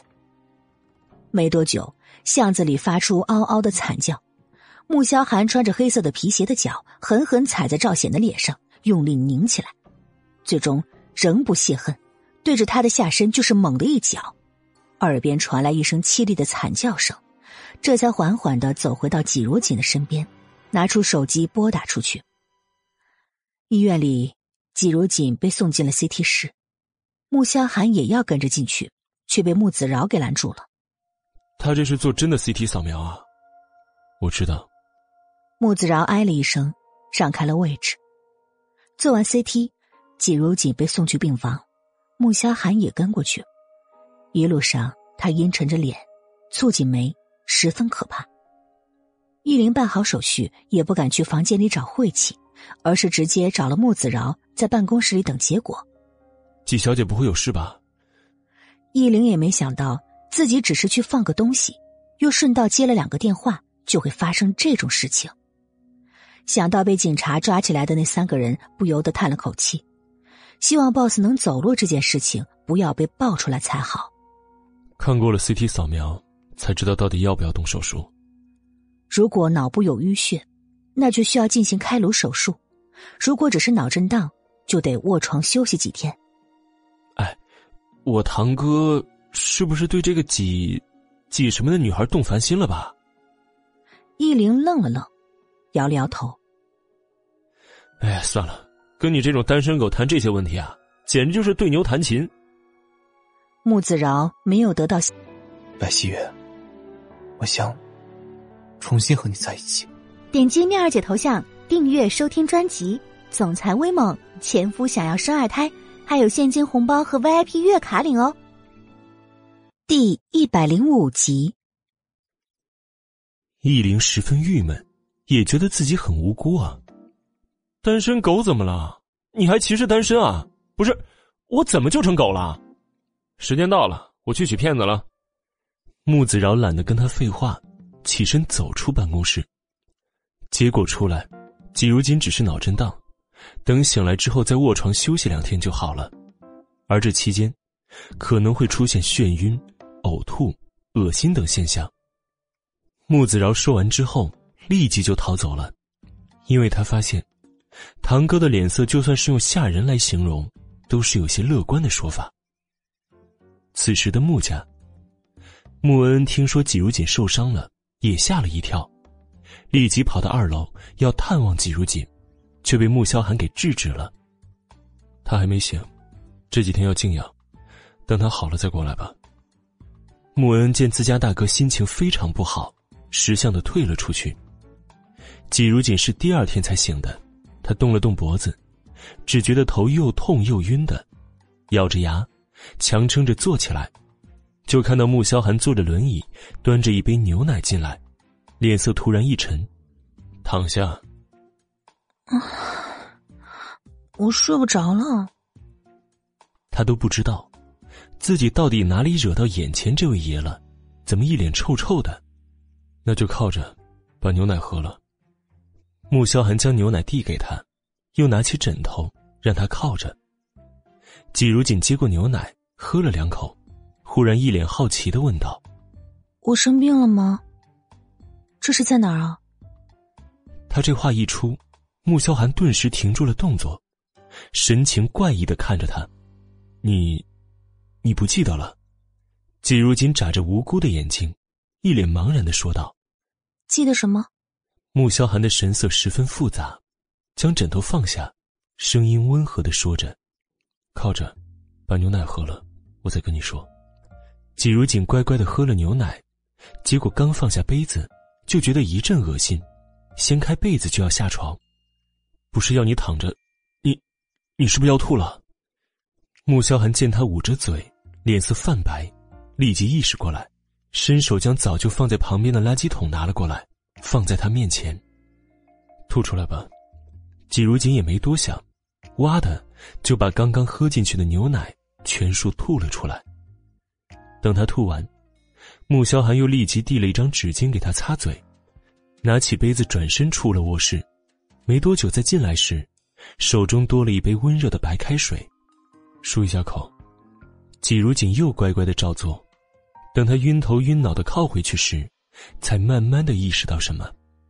今天，穆萧寒对他似乎格外的温柔，而且什么事情都亲力亲为，举动实在是贴心。刚刚他吐的时候，就那样举着垃圾桶，也并没有什么反应。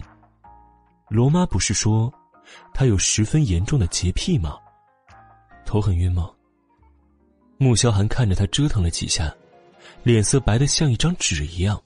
不禁担心的问道：“季如锦闭着眼睛嗯了一声，因为刚才那一幕幕的不太真实，让他以为自己在做梦呢。你先靠着，我打电话让子饶过来看一看。”穆萧寒眼底闪过一道阴冷之色，看来昨天那一脚还是太轻了。季如金马上睁开眼，很想说他只要靠一下就没事了，但看到男人那阴沉的吓人的脸色。吓得打了个冷战。你怎么了？我是不是做了什么事，让你生气了？季如金有些忐忑不安的看向穆萧寒，问道：“不关你的事。”穆萧寒意识到自己可能吓到他了，神情和声音都缓和下来。季如锦仍是惴惴不安的，却不知道穆萧寒确实是在生气，但气的。却是自己没能对赵显下手更狠一点。穆子饶刚从医院值了通宵的夜班回来，就被穆萧寒一个电话给叫了过来。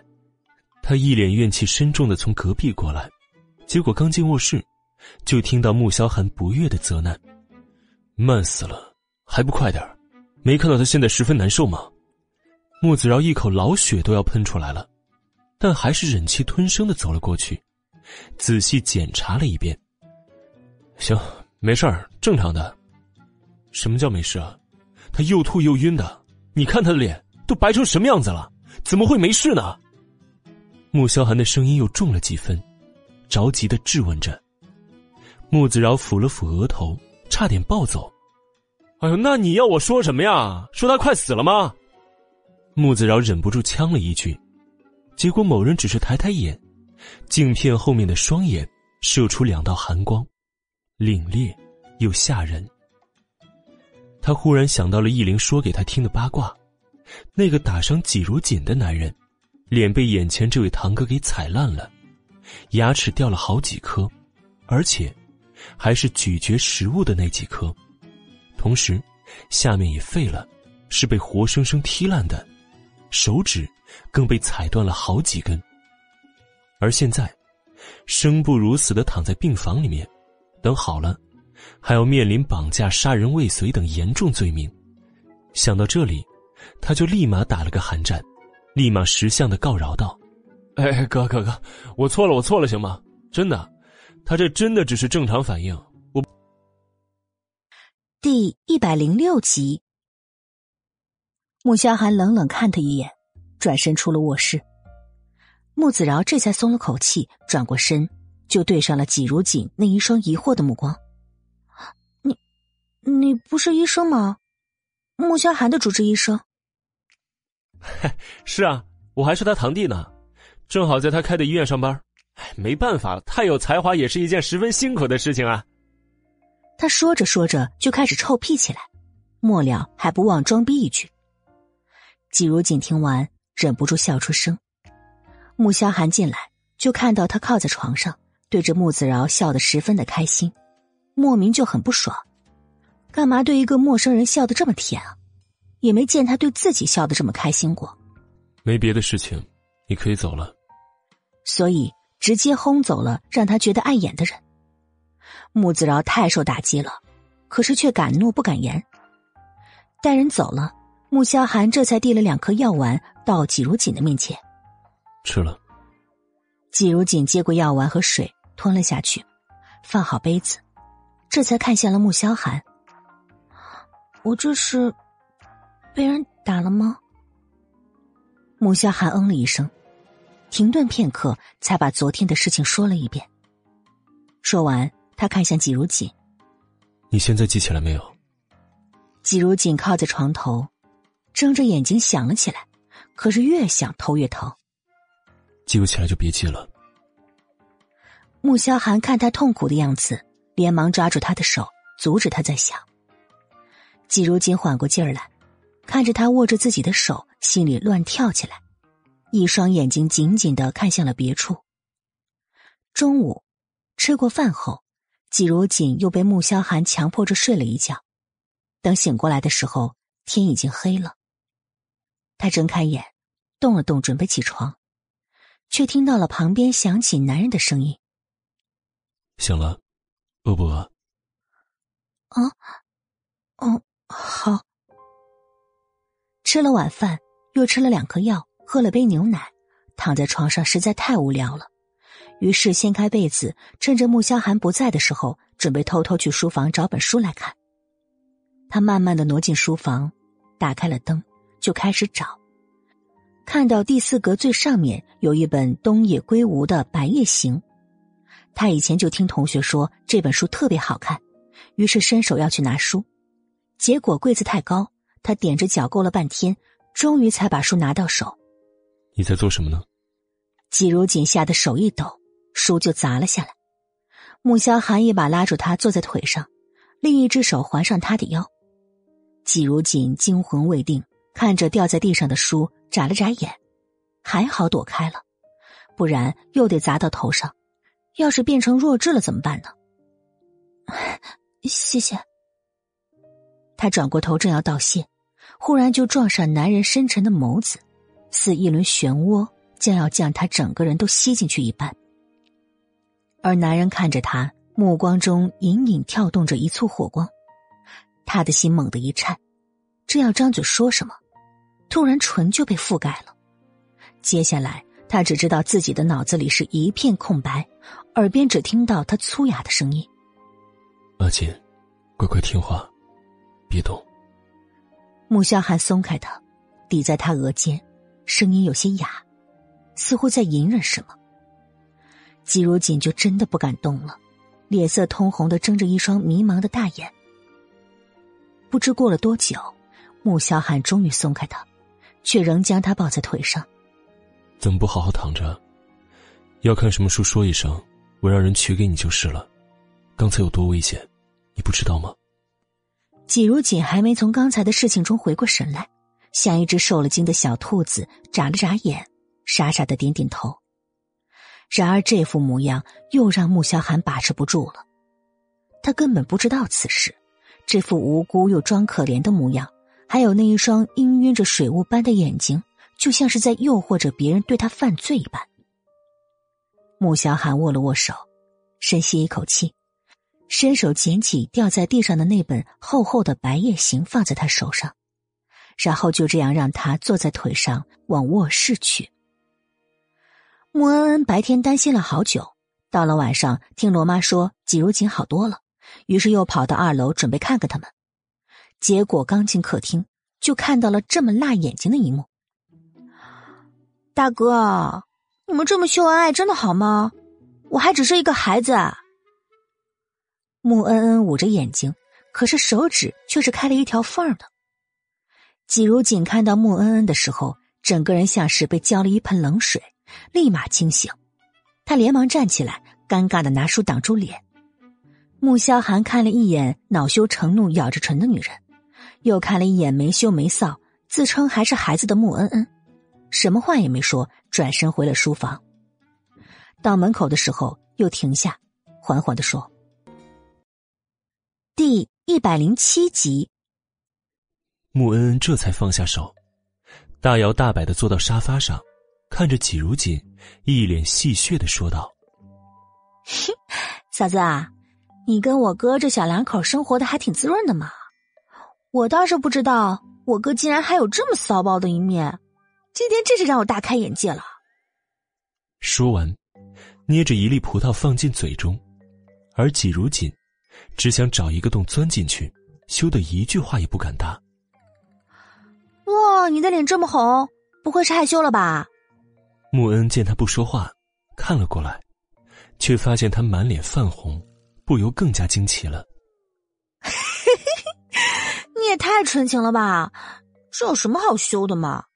只要不让我撞到你们叉叉哦哦，就算是接吻什么的都是正常的。穆恩恩捂着肚子笑了起来。季如锦愣在那儿，心想：“叉叉哦哦是什么呀？”可是又不太好意思问出来，总觉得从穆恩恩嘴里蹦出来的词儿，意思一定不会好。要不，待会儿问问穆萧寒，看看他知不知道。所以晚上睡觉的时候，季如锦终于忍不住，好奇的问了一句：“你知道‘叉叉 O O’ ’是什么意思吗？”穆萧寒正把书放在旁边的床头柜上，忽然听到他这么一句，猛地转过身来，目光深沉吓人。季如锦看到他这眼神的时候，小心肝猛地一颤，有一种自己一定问了一个很蠢很蠢的问题的预感，连忙说道：“我不问了，明天我去网上查一下。”哎呀，啊，头好晕，我先睡了。看着他吓成这样，穆萧寒真是既无奈又好笑的，伸手拉了拉他盖在头顶的被子。本来就不聪明，别再闷出毛病了。第二天，季如锦醒来时，惊讶的发现自己又睡在穆萧寒的怀中。他看着眼前的男人还没有睡醒，便小心翼翼的爬到一边，又装作若无其事的起了床。在穆家休息了三天之后，再去复诊，穆子饶表明已经没有大碍了。季如锦整个人都松了一口气，因为离他去穆氏旗下的建筑公司实习已经过去一天了，还不知道那边会不会要他呢。但不管怎么样，都要去试一试。从医院出来，季如锦坐上公交车，就直接去了穆氏大厦。到了二十六楼。看着门口挂着一个牌子，穆氏建筑总部。他走到前台，说明来意。前台的女孩看了他一眼，然后走了进去。季如锦只好坐在一边等着。结果等了一个小时了，也没有看到刚刚那个女孩过来。于是，他决定到人事部去问一问。结果刚起身，电梯门就开了。他看到穿着灰色西装的苏俊阳和一名穿着米白色工作装的美女走了出来，不知在聊着什么，有说有笑的。只是这笑容在看到他的那一刻，顿时凝住了，目光一片冰色。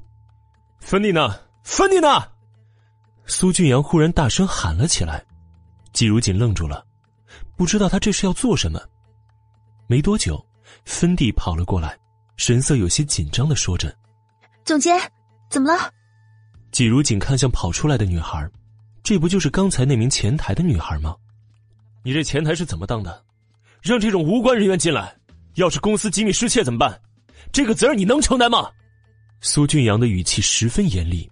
毫不留情的责问着，芬蒂被吓了一跳，抬起头来看向苏俊阳时，神情有些委屈。季如锦知道，苏俊阳表面上是在责难芬蒂，但实际上，却是在暗讽他。季如锦深吸一口气，走上前解释道：“苏总监，这不关他的事。我是来实习的员工，并非无关人员。前几天因为受了一些伤。”今天去医院复诊之后才过来的。苏俊阳自然知道他是这次要过来的实习员工，因为上周五的时候，人事部那边就已经特意打过招呼了。所以当知道季如锦要来担任实习设计师的时候，他就立即反对了。人事部那边也没说什么，当即拿出了一份总裁亲笔签字的同意书，他就知道自己没有什么反对的余地。既然错过了入职时间。就不要再来了，你这么大牌的员工，我们这里可不敢收啊！苏俊阳冷笑的看着季如锦，目光充满了敌意。季如锦其实看到苏俊阳的时候，就感觉不妙了。之所以会站出来解释，不过是为了不连累前台那个女孩，但他还是有些生气的。苏俊阳这么针对他，不就是为了远在意大利的苏画吗？苏总监，我是因为受伤。我并不是故意要错过入职时间的。季如锦还是很想争取一下的，总不能白白错过如此好的机会。穆氏旗下的公司，可是很多人争破脑袋也想进来的。他要是就……第一百零八集。哼，受伤，这跟我有什么关系啊？要是这里所有员工都像你这样找各种借口为不来上班做理由。那这个部门还要不要运转了？苏俊阳十分的不耐烦，他觉得季如锦的心机太重了，明明能用总裁夫人的身份来压他，却还是要装出委屈的姿态在这里辩解，让他感到分外的膈应。我知道我不该找这样的借口，是我不对，你能不能再给我一次机会？季如锦从没把自己当过穆萧寒的妻子。甚至以为这次来实习完全是因为学校那边导师的推荐才能进来的，所以为了不令徐老失望，他又低声下气的祈求。可越是这样，越是让苏俊阳反感厌恶。够了，别给我装可怜，我不是。他烦躁的吼起来，末了，到嘴边的话却又顿住了。他神情冷厉的指着季如锦警告。马上离开这儿，否则我要叫警卫了。旁边的苏珊看到这一幕，眼底闪过了一抹惊讶之色。他看向季如锦的目光多了一道深意。季如锦吓得脖子一缩，抓着包包，一句话都不敢再说，默默的转身走进电梯。苏总，刚才那位小姐，你认识吗？苏珊目光向来尖锐。而他总觉得苏俊阳今天的怒气来得有一些突然。原本错过一天入职时间并不是什么大事儿，可是苏俊阳却上纲上线的冲着对方发了一通火，尤其还是这么年轻貌美的一个女孩子，这就有些奇怪了。从墓室出来，季如锦有些难过，他他知道苏俊阳是把他看成了穆萧寒和他姐姐之间的第三者，认为是他抢走了穆萧寒，可他真的是逼不得已啊。然而这话，谁都不能说，满肚子的委屈也只能自己一个人憋着受着。回到穆家，季如锦直接上了二楼，打开电脑开始找工作，可是转了一天也没有看到和他专业对口的工作，就算是有的。也是要招有经验的设计师，而非他这种在校实习生。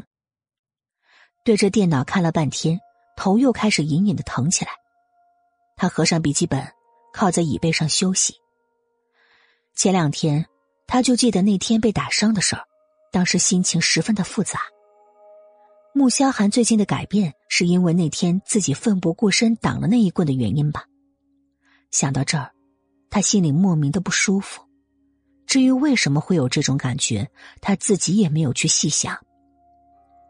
穆氏五十八楼总裁办公室里，穆萧寒叫来了易灵，把中午的预约推掉，去给我订小厨时代的包厢，让老板炖一盅补脑的汤，我要带阿锦去吃中午饭。穆萧寒接到穆子饶的电话报告，季如锦的伤已经没什么大碍了，想到他今天应该会去建筑物部上班的吧。打算替他庆祝一下。易灵接了电话，立即去办了。到了中午十一点半，穆萧寒拿起手机拨了过去，季如锦很快就接了。十二点到地下停车场等我，带你吃饭。嗯，那个我没有去上班。季如锦好一会儿才反应过来，揉了揉额头。为什么不上班？季如锦沉默了片刻，还是老实的说出来：“当时为什么不找我？”找你？我为什么要找你啊？季如锦是压根就没有想过要找他，因为他从来都没有觉得自己的身份能够让穆萧寒为他破例，更别说苏俊阳还是他心爱女人的弟弟，自己何苦要自取其辱？而他的一句“为什么要找你”。让穆萧寒气得差点砸掉了手机。你是我妻子，我是你丈夫，遇到这种事情你不该找我吗？他告诉自己，是因为季如锦被棍子砸傻了，所以他才不跟他计较。于是继续耐着性子问：“可我们的婚姻是假的，我现在要是到处跟别人说我是你的妻子，以后你真正的妻子怎么办呢？我也不想招人恨。”季如锦还是将心里的委屈说出来，完全不知道电话那头的男人脸色已经难看到了极点。已经准备好的易灵推门进来，就看到大 boss 一张阴沉的骇人的脸，吓得立刻退出去了。哼，那我替我未来真正的妻子，谢谢你的善解人意，思虑周全。说完，按了电话，把手机砸了出去。易林在外面。只听到“咣”的一声，心里默念了三声阿弥陀佛，这才推门走进去。boss，午饭的时间到了。穆萧寒揉了揉眉心，让苏俊阳马上上来。易灵愣住了，心想：难道是苏俊阳干了什么事儿招惹了先生？可是连他都能惹得先生生这么大的气，甚至都直呼其名了，看来是挺严重的。本集播讲完毕，第一百零九集。苏俊阳听穆萧寒找他，推说吃过午饭再过去，结果易灵的态度十分强硬。先生说让你马上上去见他。在穆氏，甚至是穆家，易灵只服从穆萧寒一个人的命令。哼，好，我现在就去。苏俊阳的目光一闪，笑着。和易灵走进电梯了，待门关上，试探着说道：“哎，易若莲，知不知道我姐夫找我干什么呀？”易林摇摇头，他是真的不知道。哼，您上去就知道是什么事情了。苏俊阳却猜出了个七八分了。果然，到了总裁办公室里面，他刚走进去，就感觉到一股浓重的低压气场。姐夫。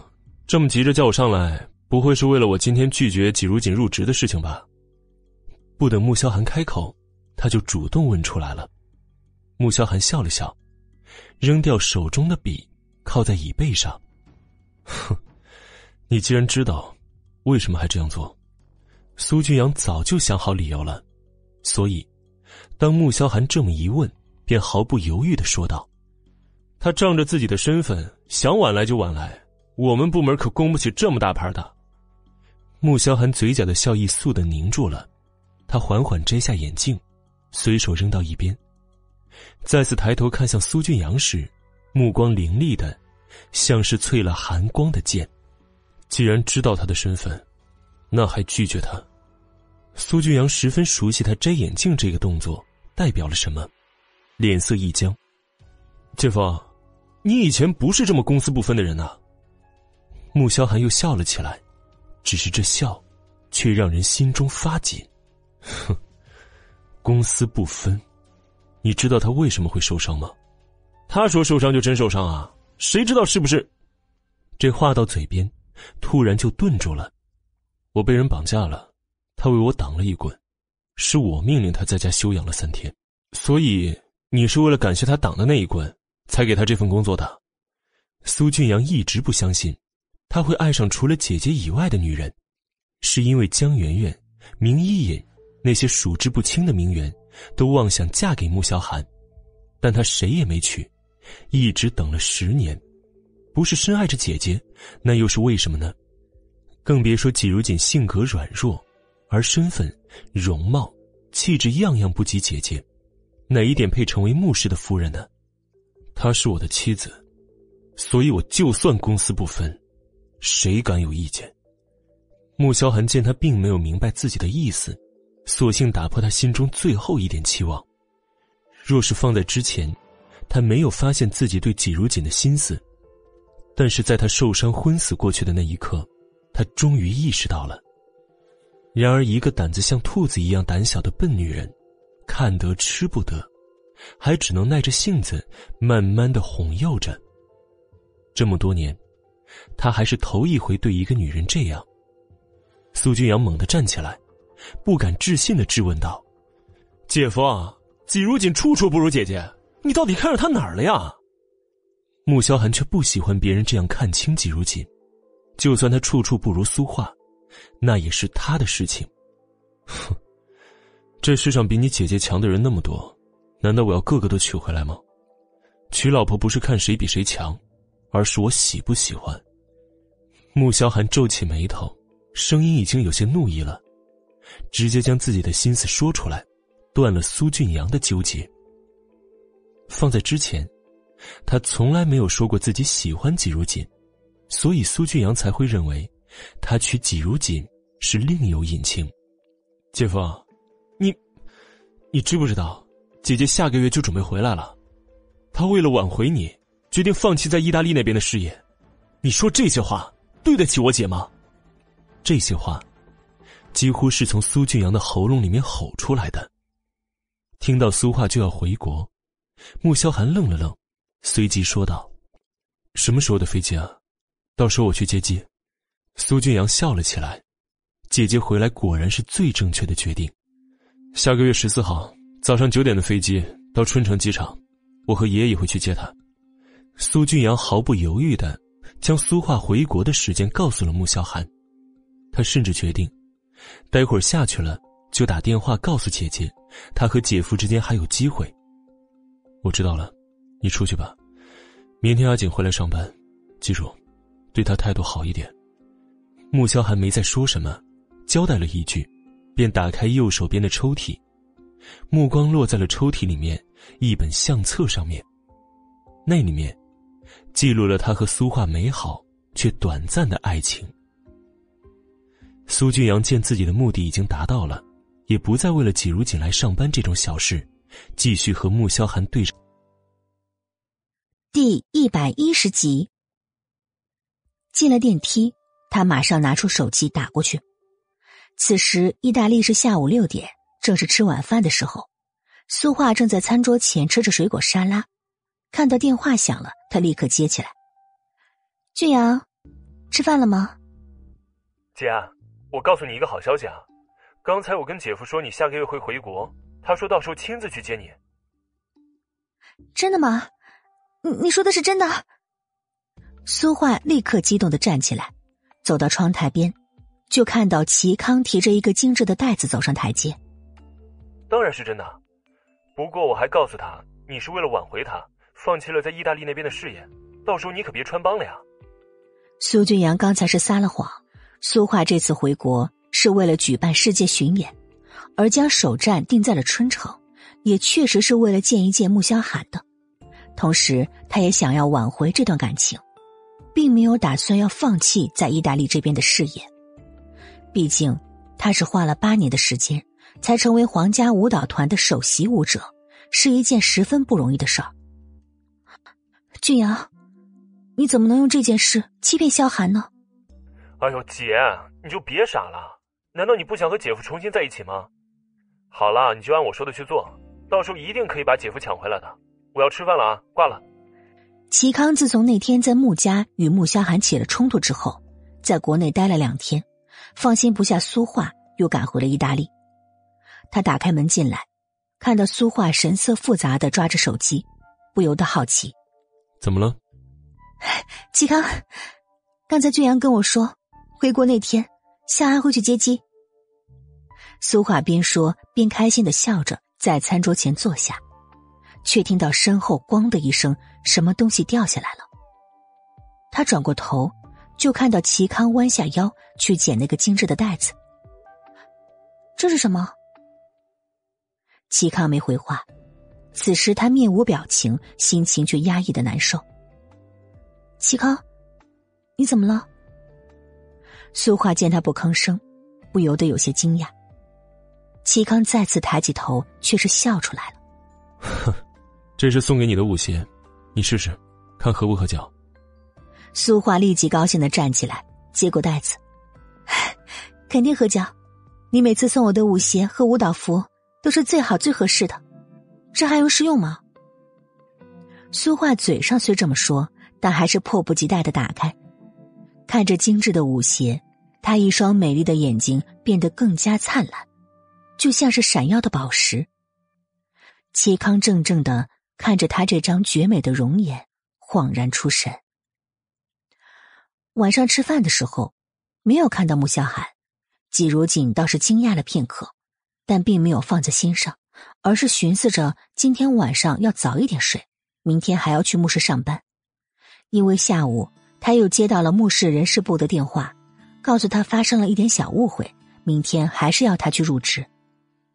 他猜测，应该是穆萧寒和人事部那边打了招呼。吃过饭，季如锦又上网查了一下墓室建筑部门的一些相关信息，做了记录之后，才去洗了一个澡。等他出来，就看那穆萧寒正躺在床上，闭着眼睛，好像是睡过去了。他愣了愣，轻手轻脚的往外走，结果身后却传来声音：“给我倒杯水。”哦，季如锦很快端了一杯水进来，男人也坐起来，给。男人却没接，而是紧紧的盯着他，一双眼睛像是要吃人一样。你干嘛这么看着我？季如锦眨眨眼，被看得浑身都不自在。根本没有意识到自己此刻有多么的可口诱人。穆萧寒放在被子下的手紧了紧，又松开，许久才忍住没有扑上去，将眼前这个穿着睡裙如出水芙蓉一般艳丽的小丫头吃掉。过来，喂我喝水。深吸了一口气，穆萧寒哑着嗓子，季如锦就囧了，他是腿不能动，又不是手不能动。怎么喝个水还要喂呢？但他还是乖乖的走过去。刚走到穆萧寒的跟前，他就闻到了一股浓重的酒味。你喝酒了？他发出小小的惊讶，因为从登记到现在，他还是第一次看到穆萧寒喝酒，而且还喝得浑身酒气。穆萧寒没回答他，伸手将他拉在床边，另一只手放在他的腰间。季如锦猛地僵住，脸色顿时一红。喝喝水吧，你快把水喝了。阿锦，我醉了，帮我洗澡如何呀？穆萧寒没喝水，因为要喝水。不过，第一百一十一集，不，不行，我不行。季如锦整个人吓一哆嗦，开玩笑，帮他洗澡，那可是会要命的呀。我我要罗妈或者是慕言飞过来帮你洗吧，你等等啊。哼，算了，我还是自己洗吧。穆萧寒无奈的叹息了一声，撑着下了床，坐着轮椅进了浴室。季如锦看着被关上的浴室门，愣了愣，心中复杂又纠结。他起身，走到门口，贴着耳朵听着里面的动静。没过多久，就听到水声传了出来。他刚松一口气，结果就听到里面传出“哐”的一声重响。你怎么了？季如锦想也不想的打开门冲了进去，结果就傻眼了，因为他看到了不该看的一幕。你，你，你了好半天。也没拟出个所以然来，眼睛瞪得都快直了，一张小脸儿像煮熟的虾子一样。阿锦，你不如陪我一起洗啊。穆萧寒的眼底含了一丝笑意，手上的喷头一转，水便对着季如锦的身上浇了过去。而后，穆萧寒便后悔了，他真不该开这样的玩笑，因为最终受折磨的还是他自己。季如锦现在彻底傻住了，他看着自己湿透的睡衣，里面若隐若现的小内衣，再看向男人那双灼热发烫的双眼，正焦灼的在自己身上，他终于反应过来了。你无耻，流氓！他羞愤至极，双臂挡在胸前，终于忍无可忍的吼出来，紧接着，转身便跑了出去。穆萧寒愣了片刻。这才神色怪异的站起身来，走到镜子前面照了照，八块腹肌，肩宽臀窄，这样的身材，足以媲美世界名模了。这女人是什么眼光啊？看到之后竟然毫无所动，还是她的暗示不够明显吗？睡觉的时候，季如锦故意背对着男人，脑子里面却不断浮现出之前在浴室里面看到的那一幕，脸热的发烫。刚才他完全被吓懵了，脑子里面是一片空白。穆萧寒不会以为他是故意冲进去的吧？可是他干嘛要说那种陪他一起洗澡的话呢？还拿着喷头往他身上喷水，不会是喝醉了，脑子不清楚才这么干的吧？想到这里，他又担心的转过身来，看着似乎已经睡着的男人，低声又问了一句。你是不是醉了？男人没有睁开眼，只是低低的嗯了一声，心中却在叹息着：“真是笨死了。”旁边忽然响起声音来，他缓缓睁开眼，就看见季如锦掀开被子跑了出去，没一会儿，就端着一杯水走了进来。蜂蜜水听说可以解酒，你试试。穆萧寒想说自己并没有醉。但看到他一双充满期待的眼睛，还是接下了杯子，全都喝了进去。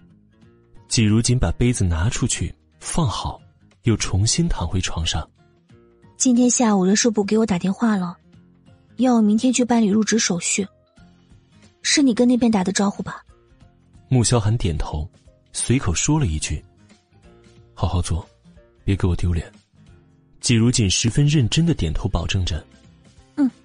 你放心，我一定会努力的，保证不会让你失望。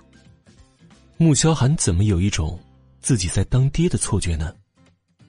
到了第二天，季如锦早早就起来了，走到更衣室，穿上了一套米灰色的职业装，又选了一个合适 OL 使用的米色手提袋，将钱包、手机、纸巾、喝水的企鹅杯全都装了进去。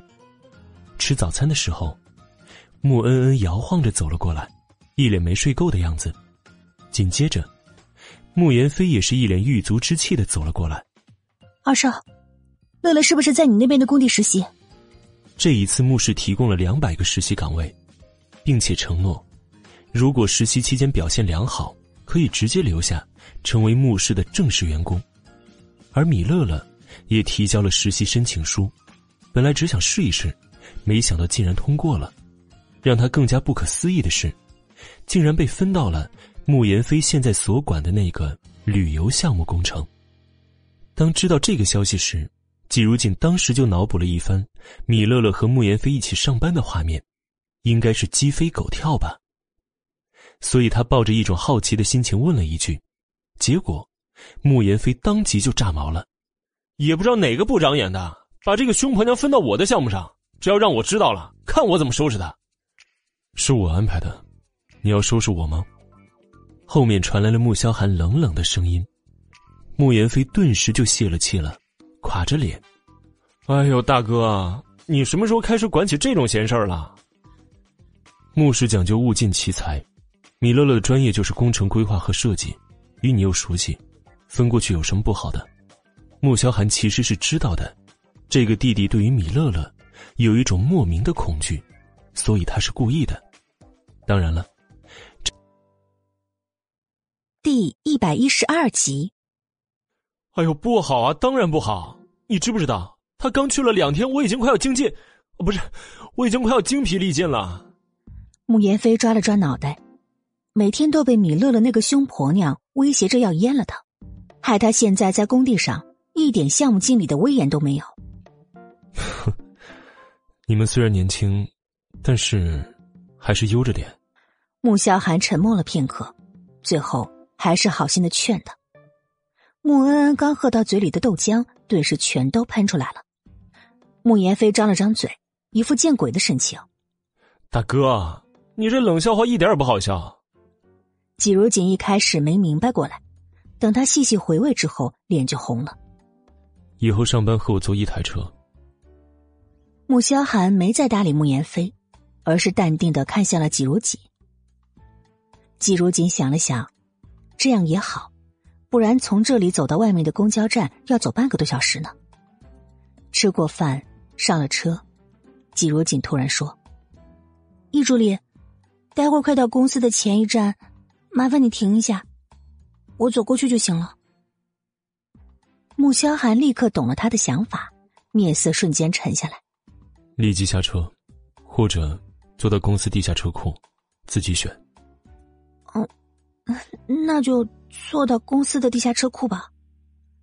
他怕要是选择立即下车，穆萧寒会更生气。接下来的一路，车里异常安静。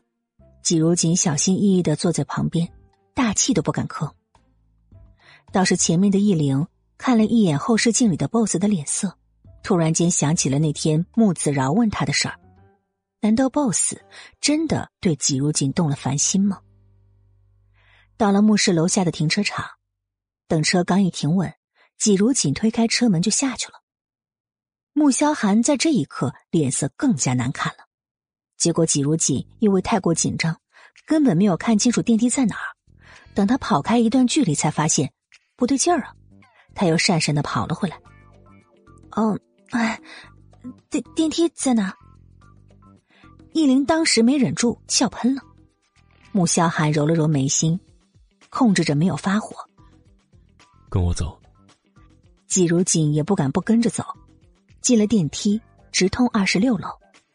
当电梯打开的一瞬间，季如锦看到正在外面等电梯的苏珊，而苏珊看到季如锦从总裁专用电梯里出来时，她突然愣住了。只看到电梯里的一道冰冷眼神看过来，他才猛地反应过来，立刻弯腰。啊，总裁，早上好。穆萧寒什么话也没说，电梯门就合上了。季如锦看向苏珊：“你好，我是季如锦，今天入职的实习生。”苏珊看向季如锦，目光充满了质问：“你和总裁什么关系啊？”总总裁。啊，没没有啊，我们什么关系都没有，就是刚好碰上了。你当我是傻子吗？刚才你是从总裁专用电梯出来的，要是跟总裁没关系，你怎么解释啊？苏珊的语气咄咄逼人，一副要是季如锦不给他一个满意的解释，就要给他好看的神情。季如锦这才明白过来，难怪他刚才还在奇怪，为什么现在上班的高峰时期，这部电梯中途没停，直达二十六楼。看来是穆萧寒专用的。要是乐乐在的话，一定又会说穆萧寒装逼了。哎，我是不小心闯进去的。我今天第一天上班，根本不知道这是总裁专用电梯。季如锦觉得自己并没有说谎，他是真的不知道。至于和穆萧寒的关系吗，前面这个人一副恨不得要撕了他的模样，还是别说了吧。哼，你最好别骗我。苏珊半信半疑，最后对着他警告威胁了一句，这才踏进了电梯。季如锦原地懵了，一副大清早撞了鬼的神情，心道：“我的天哪，穆萧寒难道跟苏珊有什么暧昧吗？”之所以会这么想，是因为米乐乐说过，这年头但凡是有钱的老板，都会包养几个小情人什么的，有的直接吃起窝边草。想到这儿，他心里就堵得慌。五十八楼，苏珊将报告交给沈秘书。走进了易林的办公室，坐了下来。你这是做什么呀？易林正在翻看今天 boss 的行程，顺便想着要不要问一下老板，还要不要预定昨天小厨时代的包厢，就见到苏珊走了进来。刚才那个从电梯里出来的女孩，和总裁什么关系啊？苏珊没犹豫，直接问出来。易林抬起头，嘴角的笑意已经消失。看着苏珊的神情淡了淡。苏珊，你如果还想在牧师继续待下去，第一百一十三集。苏珊脸上的笑意僵住了，缓缓的站了起来。我就是好奇问一问嘛。是吗？有关系没关系，和你有什么关系啊？我还要向总裁汇报行程，你还是赶紧回自己的工作岗位吧，要不然别人还以为我和你有什么不正当关系呢。易玲拿着平板电脑站了起来，下起了逐客令。苏珊自以为和易玲的关系还算不错，没想到他竟然这样翻脸无情，脸上的神情也绷不住了，也不再装了，冷哼一声，转身走了出去。看着他离开，易灵眉头皱了起来，犹豫着要不要提醒一下季如锦提防苏珊这个女人，同时。他也不明白苏珊哪来的自信，居然打起了总裁的主意。春城有那么多的名媛，哪个不比他强啊？都没有被总裁放在眼中。虽说做人要自信，但像他这样妄想成为总裁夫人，不得不说，就是自信过头了。而二十六楼的季如锦这次没有再被拦着，他刚走到前台，芬迪便将他带进了一间办公室。苏总监说：“以后你就坐这儿。”说完，芬迪便转身走了出去。季如锦愣住了，一肚子的问题到了嘴边，都给憋了回去。他只好先打开电脑，没过多久，就看到苏俊阳从外面经过，他立即起身追了过去。苏总监，我想请问一下，我该做些什么呀？哦，还有，那间办公室，你是让人给我安排的吗？我只是来实习的。苏俊阳正在看着数据表，听到季如锦的声音，眉头蓦地皱了起来。你也知道自己是来实习的呀？他抬起头来，目光嘲讽极了。季如锦的脸红了起来，是被气红的。苏俊阳这话中的嘲讽之意实在太过明显了。既然是来实习的，为什么会给他安排办公室呢？那是在告诉这里的所有人，他是走关系进来的，因为昨天谁都看到了他被苏俊阳赶走的那一幕。结果，今天就再次回来了，而且还特别安排了一间办公室，在墓室，只有高级设计师才有独立的办公室，所以除非他上面有人，还是一个职位高于苏俊阳的人。然而，整个墓室的人都知道。苏俊阳是总裁的未来小舅子，从进公司起就直呼总裁为姐夫。苏珊从五十八楼下来，正好听到了苏俊阳这句话，眼底闪过了一抹狠色。看来，季如锦是真的和总裁有一腿啊。季如锦被怼得默默回到自己的办公室里面，而他生性敏感，中途两次出去接水喝的时候，都发现了坐在外面的那些同事看他的异样目光。季如锦想了很久，觉得这不是办法。苏俊阳这样做明显是在针对他，可他不能就这样混下去，于是，再次鼓足勇气起身走了出去。你好，我叫季如锦。请问有没有什么工作可以让我做的？季如锦先是走到前台，真诚的看着芬迪问道：“没有。”芬迪头也没抬，扔给他两个字。季如锦只好讪讪的走开了。他又看向其他人，结果，刚刚还一个个伸长脑袋看着他到底要干嘛的员工，一个个缩回脖子，装作一副很忙的样子，闷头工作起来。此时，打印室里，季如锦走了进来，看到有个女孩正在打印表格，立即走过去问道：“哎，你好，我是季如锦，你这是在打印表格吗？我帮你钉起来吧。”女孩立即警惕的看着他，毫不犹豫的拒绝了：“不用。”季如锦再次感到了深深的挫败感，他没有想到，自己才第一天上班，就被整个部门二十几名同事一起排斥。这样的感觉，还真是难受。他觉得自己有必要好好的和苏俊阳谈一谈，于是，便转身走了进去，直接到了苏俊阳的总监办公室里。他敲了三声，听到里面传出“进来”两字，便打开门走了进去。进到里面，苏俊阳坐在办公桌后面，正在埋头画着什么，十分专注。季如锦知道。画稿的人都有一个毛病，就是在有灵感的时候是最不喜被人打扰的，于是，便安静的站在那儿，等候起来。也不知过了多久，苏俊阳终于扔下画笔，抬起头看着季如锦站在面前，目光冷淡下来。你有事儿？季如锦的脚站得有些酸了，但还是忍着说道：“我想跟你谈谈。”谈什么呀？听到这句话，苏俊阳觉得十分可笑。我知道你讨厌我。季如锦也不拐弯抹角，直接说了出来。苏俊阳挑眉，倒是因为他的直接而产生了一些兴味。哼，所以呢？你觉得我是抢走你姐姐爱人的第三者？可是我觉得你把所有的责任都推到我的头上，对我很不公平，而且很莫名其妙。季如锦已经被他赶走过一次了，并不在意会有第二次，但是有些话他不说就是不甘心的，而他的话，成功的让苏俊阳的脸色沉了下。第一百一十四集，当知道穆萧寒结婚的时候，苏俊阳愤怒无法接受，但是他不敢把愤怒朝穆萧寒发泄，所以季如锦就成了替代品，而你。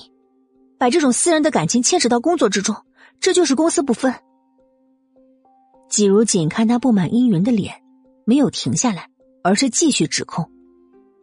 苏俊阳抬起头，目光犀利的看向他，眼底闪过一抹惊讶之色。是谁说这个女人软弱好欺的？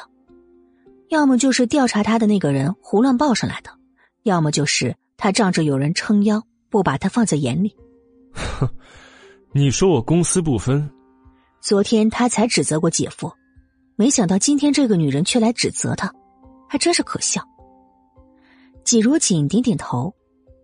你说我把私人感情牵扯到工作里面，那么请问季小姐，你能进入穆氏，进入这个部门，难道不是靠着私人关系才能进来的吗？苏俊阳目光嘲讽，嘴角挂着一抹鄙夷之色。季如锦愣住了，他不懂这话什么意思。我是通过学校申请进入木氏实习的，我学的是建筑工程设计，所以进入这个部门并不奇怪。苏俊阳站起来，一步步朝季如锦逼近，目光冰冷刺心，无情的拆穿了他是因为得到了穆萧寒的特许，才能进入穆氏实习这件事儿。在这之前，穆氏从不招实习生，每位员工都是通过 HR 层层考核筛选，又经过部门主管面试审核通过，才准许入职的。像你这样连流程都没走就轻易进到这里工作的，不是靠关系是靠什么呀？季如锦一开始也觉得穆氏这样招收实习生是有一点草率了，当时也确实怀疑过，后来将表格交给老师，又听米乐乐说起项目部上班的事情，这才释然。可没想到，他还是想的太简单了。但他不能因为就此而放弃了。昨天还答应了穆萧寒要好好工作，保证不给他丢脸的。既然是靠着他的关系进来的。那就更不能这么轻易放弃了。就算是靠关系，那又怎么样？难道牧师就没有其他人靠关系进来的吗？而且，我在 A 大成绩优异，每年都拿奖学金的。总裁既然觉得我能胜任这份工作，我就一定能。但前提是，你能一视同仁。且不说苏俊阳才二十五岁的年纪能当上总监的职位，难道？他就没有靠一点关系吗？这话他才不信呢。苏俊阳也是心知肚明的，更别说一个墓室这么大，就像是一个缩小版的社会阶层。但凡外面存在的社会现象，墓室也同样存在。苏俊阳虽然很恼火，但也不得不佩服季如锦的机智和底气。哼，你想要一视同仁啊？很好。苏俊阳冷笑起来。看着季如锦的目光十分不怀好意，季如锦被他看得心里发毛，但还是壮着胆子跟他对视着。苏珊，你过来一下。苏俊阳走到办公桌前，拿起桌上的电话拨通内线。没一会儿，苏珊推门进来，看到季如锦也在，微微蹙眉，再看向苏俊阳时，换上了一脸熟络的笑。总监，你找我有什么事啊？他。交给你了，接下来有什么工作，你尽管安排他去做。苏俊阳指着季如锦，声音很不耐烦。苏珊眼底闪过一抹讶异之色。早上的时候，苏俊阳明显打算用冷处理手段让季如锦知难而退，可是怎么才过了两个小时不到，妥协了？但很快他就明白过来，嘴角的笑容充满了深意。总监。你放心吧，我一定会好好关照他的。季如锦在看到苏珊进来的那一刹那，有一种极不好的预感，但他能争取到目前这种局面，已是极为不易了。接下来就算是辛苦一点也没关系，只要能证明自己的能力，他就一定要好好的把握机会。出了苏俊阳的办公室，季如锦还没有来得及松口气。苏珊就指着角落的一张办公桌说：“你以后就坐那儿。芬蒂，把上次我让你准备好的宣传手册交给他，让他给那些部门送过去吧。”说完，转身进了他自己的办公室。季如锦特别留意了一下上面的牌子：“高级设计师。”季如锦有工作可做，立即来了精神。将自己的包包放到了角落的办公桌上，走到前台去。芬蒂看了他一眼，带着他进了资料室，指着地上的两个大箱子，又从旁边的桌上拿了一份表格给他。那，就是这两箱。扔下这么一句，就走了出去。季如锦张了张嘴，最后还是默默的拿着表格看起来。本集播讲完毕。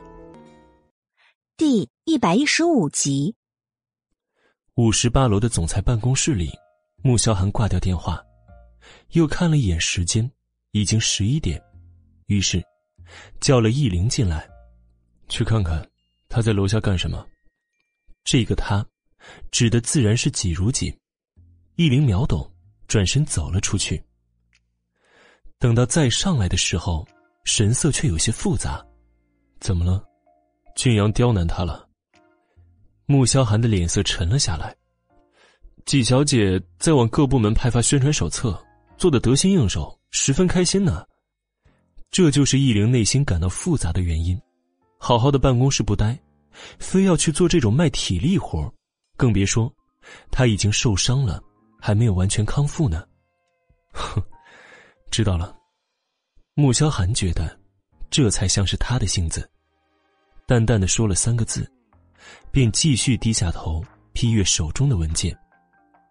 易玲正犹豫着要不要提醒一下 boss，纪小姐受伤未愈的事情，但见他一副不甚在意的模样，还是将嘴边的话给咽了下去。结果，晚上十点半了，穆萧寒也不见纪如锦回来，这才开始担心起来。到了快下班的时候，苏珊交给了纪如锦一叠报表，将这份表格里的资料找出来，按顺序录入电脑归档。明天上班之前发到我邮箱。说完，他便提着包包下班了。季如锦接过报表，看清楚之后，整个人都愣住了。这么多，要在今天之内全部弄完。再看时间，已经到了下班的点，难道不能明天再录入整理吗？然而心里是这样想的，却不敢问出来。夜晚十一点，穆萧寒进来的时候。就看到远远的角落里面有一张办公桌上开了一盏台灯，季如锦坐在电脑面前，正对着面前的一叠资料专注而仔细的录入着。没多久，停下喝了两口水，又揉了揉额头和太阳穴，神情疲惫，微皱着眉头，似有些难受。他这才想起，季如锦头上的伤还没有痊愈，昨天子饶还特意叮嘱过。让他注意休息和营养。穆萧寒立即坐着轮椅过去，伸手将电脑合上。季如锦并没有发现他进来，被这突如其来的举动给吓了一跳。啊！吓死我了！你进来怎么不吭声的？季如锦捂着胸口，睁圆了眼睛，看着面前的男人，声音有一丝怨怪。回去。穆萧寒沉着脸，命令道。季如锦没听他的，又打开电脑，一边录入一边回道：“我的工作还没做完呢。”他怕今天弄不完，明天苏珊会找他麻烦，所以再苦再累，也要把工作弄完才可以下班。我命令你下班。穆萧寒皱着眉头，声音发沉，正昭示着他此时的不悦。可是我的工作还没有做完啊。要是做不完，明天会挨批的。季如锦愣住了，只觉得他这怒气来的有些莫名其妙的，而穆萧寒也意识到自己的语气有些重了，握了握拳，尽量让声音平和一点。明天我让俊阳安排一份轻松点的工作给你，现在跟我回家休息。然而这句话却让季如锦生气的站了起来。不用了，这些工作很简单。我做得来。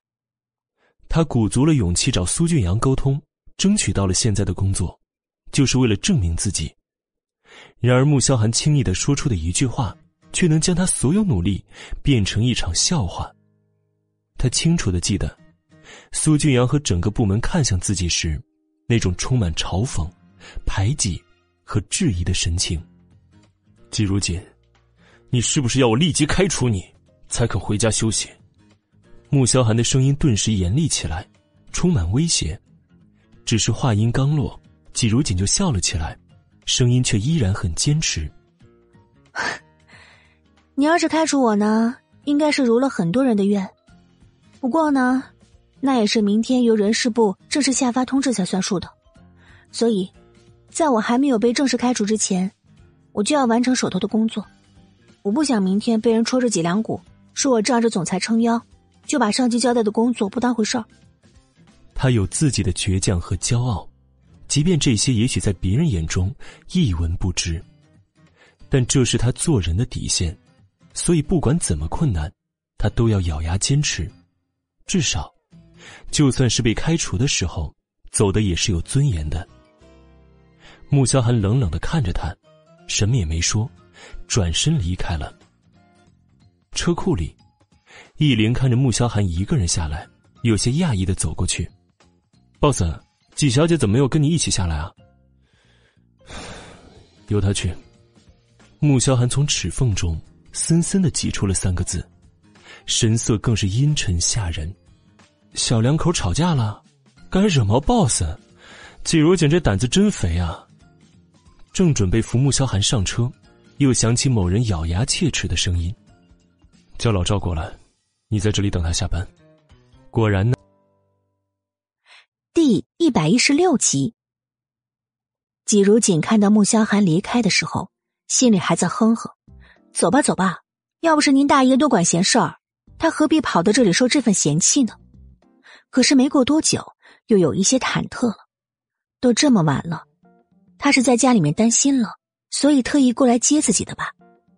等他将工作做完，又收拾好之后，已经快是凌晨一点。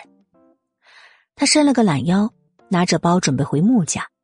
刚走出玻璃门，就看到易林坐在外面的沙发上打盹儿。他惊得张大了嘴：“易特助，你怎么会在这儿？”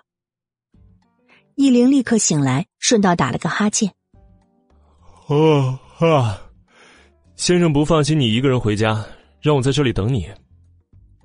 季如锦听了，心里暖暖的，又很内疚。刚才他还冲穆萧寒发了脾气，没想到他不但没生气，还特意留下意林接他回家。而穆家，穆萧寒一直没睡，站在窗口，看到有车灯闪过，便知道季如锦回来了。拿起手机一看，很好，凌晨一点半了。季如锦上了楼，进了客厅之后，立刻脱掉鞋子，轻手轻脚的往卧室走。推开门，还以为是穆萧寒已经睡了呢，却不想他竟然还在床上坐着，正沉着一张脸看过来。他吓得手一抖，鞋就掉下来，正好砸在他脚背上，疼得他当即跳起来。看到这一幕，穆萧寒终于忍不住翻了个白眼，嘴里冷冷的蹦出三个字儿：“哼。”笨死了！哎，你，你怎么还没睡呢？季如锦揉了揉脚背，慢慢的挪进去，然后关上门，凄凄哀哀的问：“被笨蛋给气的。”穆萧寒脸色仍然不好，说完便躺下去了。笨蛋是说的他吗？他瘪了瘪嘴，轻手轻脚的拿着睡衣挪进了浴室，洗完澡出来，已经困得睁不开眼。掀开被子躺下，突然，长长的手臂伸过来，一把将他搂住。顿时困倦全消，瞪大眼睛，浑身僵硬。你，吵死了！闭嘴，睡觉。男人不悦而粗暴的声音在耳边低吼，手上力度又加重了一些，将他搂得更紧。季如锦眨了眨眼，侧过头想说什么，却见男人闭着眼睛，似乎已经睡了。他又打了个哈欠，困意来袭，闻着男人的气息，渐渐的也睡过去了。听到耳边传来平稳的呼吸，臂弯中的女人渐渐放松下来，甚至换了个舒服的姿势，像一只小猫似的，脸颊在他胸口蹭了蹭。穆萧寒这才缓缓睁开眼，看着他沉睡的面容，低下头，在他唇上印下一吻。第二天。季如锦早早到了公司，打了卡之后，又确认了一遍自己录入的档案没有错误，才发给了苏珊。一分钟后，苏珊走进办公室，季如锦立刻走过来：“哎，苏珊，我已经把昨天整理好的档案发到你邮箱了，麻烦你查收一下。”苏珊放下包，静静的看了看他：“啊，我忘记了，上次已经让芬迪做过一次了。”季如锦愣了，虽然他脾气很好，可是也有一点忍不住想要发火。怎么，你还有别的事吗？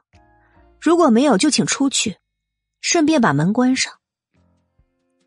苏珊看也不看他一眼，坐了下来，从包里掏出化妆镜和粉饼，开始补起妆来。季如锦深吸一口气，默默退出去，回到自己座位上，好久都没能平复过来。紧接着，芬蒂拿了一堆表格过来，要他对上面的数目进行核算。没过多久，又发了几份文件过来，要他打印。这一天忙碌而紧张的工作就这样开始了。十一点半，季如锦接到穆萧寒的电话，要他十二点到楼下车库，中午带他出去吃饭。他看了看手上堆积的工作，想要拒绝，但想到昨天晚上，他就答应了。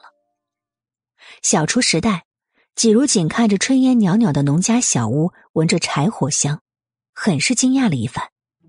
进了屋，老板娘是一个身材颇为富态的大姐，笑盈盈的走过来：“总裁，菜已经做好了。”在锅上热着呢，是不是现在就开餐啊？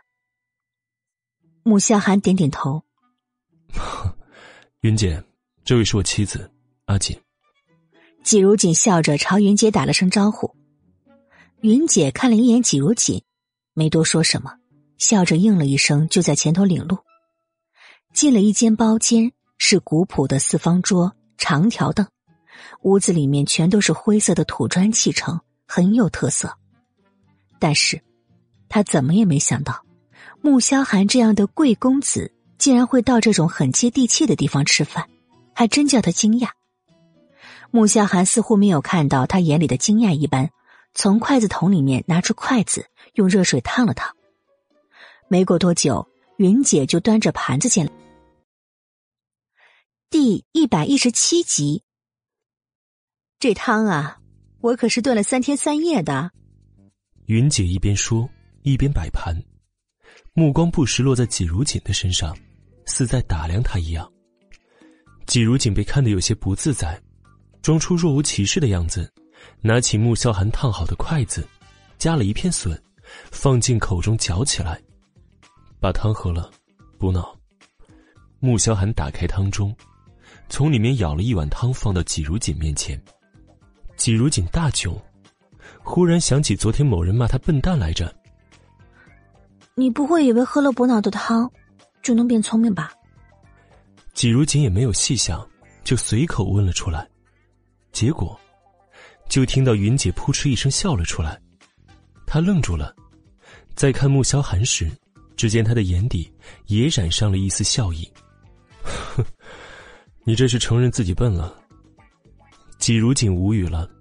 他这是自己往坑里面跳了，怕上班迟到耽误工作完不成。吃饭的时候，季如锦的速度比平时快了不少，以至于都没有发现，一直都是他在吃，穆萧寒在给他夹菜。等他吃完了，立即起身就要走。下午两点才上班，这么急干什么呀？季如锦看了看时间，已经快一点钟了。我还有好多工作没有做完呢。要不你先吃，我打车回公司。季如锦看着他没怎么动的碗，提议道：“穆萧寒放下碗筷，走吧。”季如锦立即又坐了回来。你吃吧，我不急的。穆萧寒又重新拿起筷子，慢条斯理的吃了起来。季如锦却看得眉头直跳，立即拿起筷子，夹各种菜放到男人的碗中。这个好吃。你多吃一点。等到达公司，打了卡，刚好两点钟。季如锦走到办公桌前面，看着堆积如小山的工作，心中哀嚎了一声，埋头苦干起来。下午三点半时，苏珊通过邮箱发了一份表格给他，并告诉他要赶紧核算出来，等会儿要用。而芬迪又跑过来催促他将上午的那些文案写出来，要发给客户了。季如锦最终衡量了一下，决定先将文案弄出，便没有管表格的事情，因为谁知道，苏珊是不是又像昨天那样，让他白折腾一番？呃，四点的时候，苏珊忽然打了个电话过来，叫他到五十八楼的会议室。季如锦也没多想，就上去了。到了会议室，推开门进去，就看到里面坐满了高层。而穆萧寒坐在首位，正在翻看着文件。见他进来，神情平静的问道：“什么事？”总裁，我是要他送设计部的业绩核算报表的。苏珊忽然站了起来，走到季如锦面前，却忽然皱起眉，责问道：“如锦，报表呢？你怎么没带上来啊？”季如锦愣住了，刚要解释。就听到苏珊拔高音调的说着：“你不会是还没有做那份报表吧？”季如锦这才反应过来，脸色蓦地一白，慌了神了。我不知道你要急用，芬迪又催着我赶紧弄文案，我就去做文案了。你说你不知道？我不是说了我一会儿要用的吗？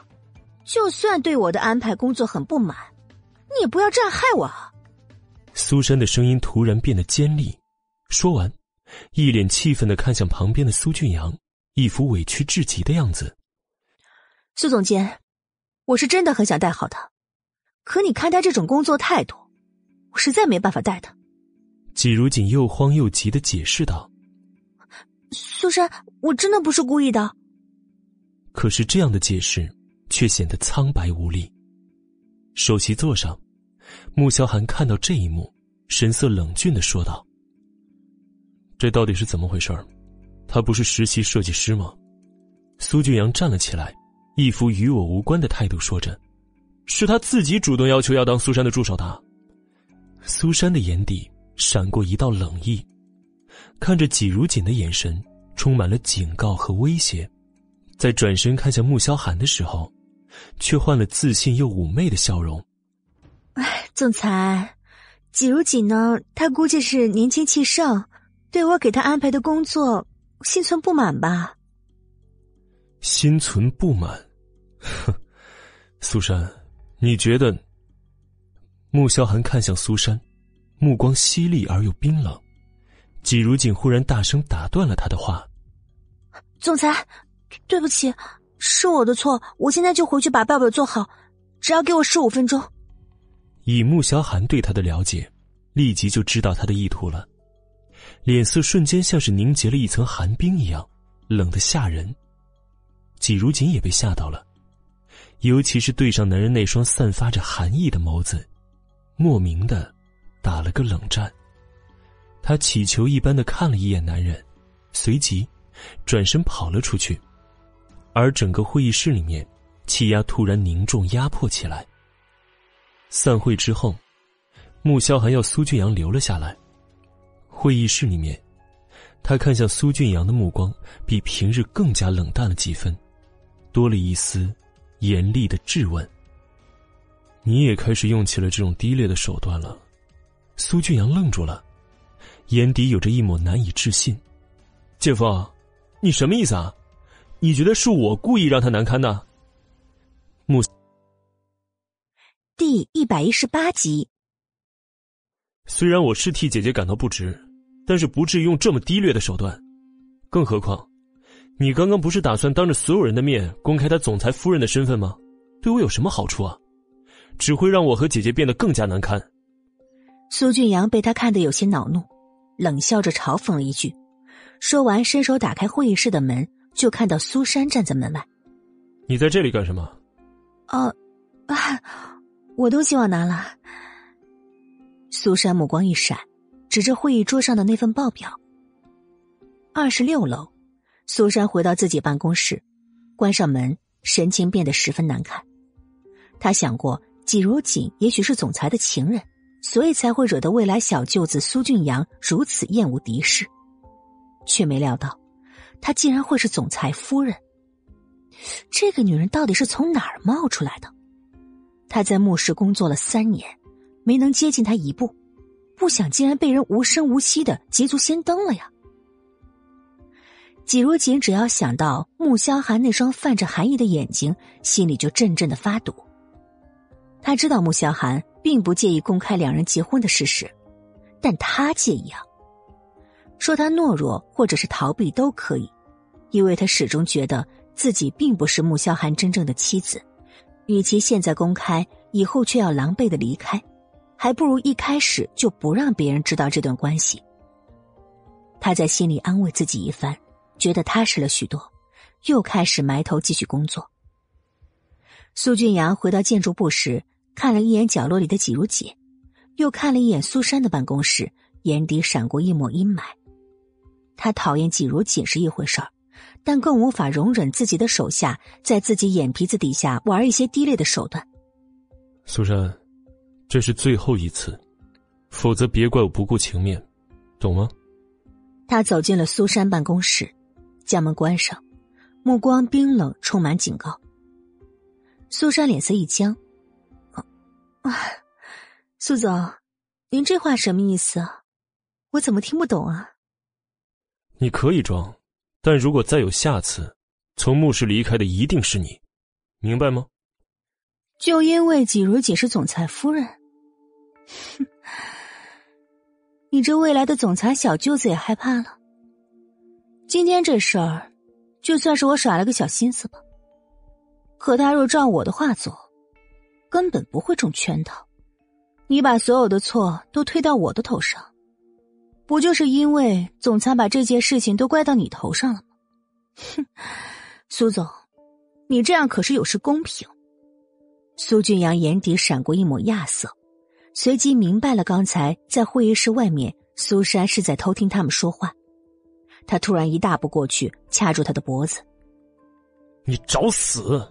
竟然敢偷听了！我不过是恰巧听到罢了，怎么？”你这是被我揭穿而感到恼羞成怒了吗？哼，苏总，我可是在帮你啊！毕竟季如锦要是被总裁给气厌了，你才能继续打着总裁未来小舅子的旗号，在墓室横行霸道，不是吗？苏俊阳眼底闪过了一道戾气，另一只手捏得咯咯作响，却猛地一推，松开了他。你想怎么认为都行，但是。别再耍那些拙劣的手段了，而我，也不需要你帮。说完，又警告的看了一眼苏珊，这才打开办公室的门，大步离去了。苏珊揉着发疼的脖子，咳了两声，目光看向门外正在埋头工作的季如锦，眼底闪过一抹怨恨之色。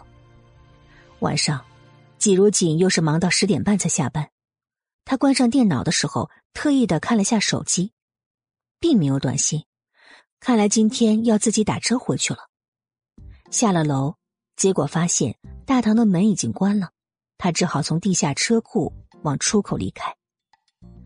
到了地下车库，看着空旷的停车场，他莫名想起了以前在宿舍和米乐乐看的那些恐怖电影，好多的凶杀案，甚至鬼片的恐怖场景都是发生在地下停车场的，而那些恐怖的画面。以前都没怎么让他害怕，可是这一刻全部清晰的涌入到他的脑中，让他顿时打了个冷战。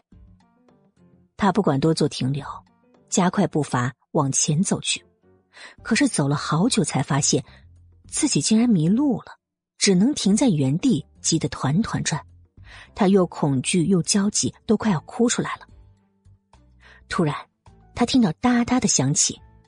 浑身一抖，抱紧双臂，站在原地，大气都不敢出，不停的看向四周。而哒哒声也越来越响，越来越近，在前面的转角处，灯光之下，一个长长的影子倒映着。季如锦啊的大叫了一声，就开始往回跑。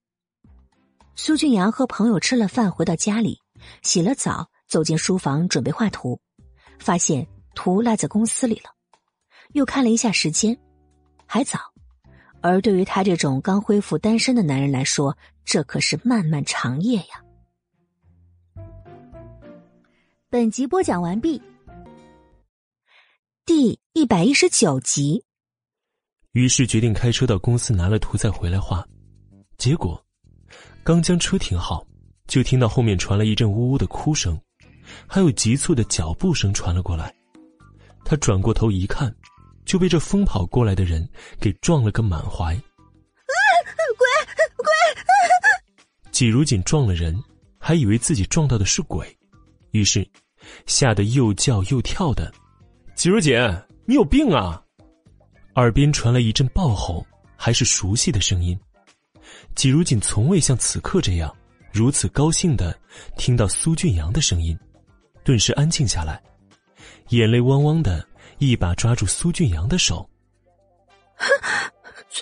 苏苏总，苏总，太好了！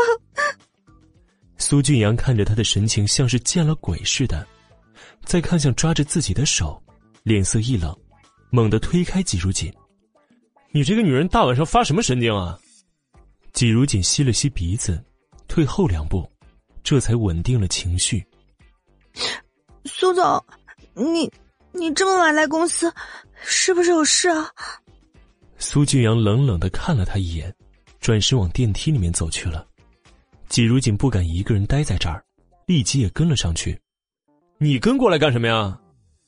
苏俊阳瞪着他，吼道：“我我我就是看看，我能不能帮你做点什么。”他期期艾艾的跟着进了电梯，低着头小声说道：“反正季如锦是不敢一个人待在地下车库了。”苏俊阳怀疑的看了他一眼，电梯上行，他又瞟了一眼惊魂未定、缩在角落里的女人，想到了刚刚他撞过来时，嘴中喊着什么“鬼呀鬼呀”的，不由露出了一抹坏笑：“哼，你怕鬼啊？”季如锦正要点头，但又立即摇头，跟拨浪鼓似的：“哎，你知不知道，以前这里真的闹鬼？”而且呀，就是在这个电梯里面闹的。苏俊阳故意压低声音，好像怕别人知道一样，神情诡异的看着四周。话音刚落，季如锦就啊的一下跳了起来，一把冲到他面前，死死的抓着他的手臂。你，你你别吓我！季如锦的声音已经带着哭腔了，看着抓着衣袖的手，苏俊阳一脸厌恶的推开他。电梯也在二十六楼打开，季如锦立即跳了出去，好像电梯里面真的有鬼似的。苏俊阳看到他这副模样，勾起一丝冷笑，走出了办公室。再次到地下车库，苏俊阳看着跟在身后的女人，忽然加快了步子，打开车门坐了进去，又发动车子，一个漂亮的甩尾，同时发出一声尖锐刺耳的声音，便往出口疾驰而去了。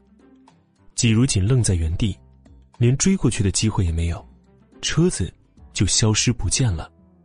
身后再次传来刚刚哒哒的声音，他浑身发麻，撒腿就往出口跑去，一口气跑出了大厦停车场，到了马路上，看着来来往往的行人，这才彻底松了一口气，走到一边，靠在墙上，拼命的喘着气，回到穆家。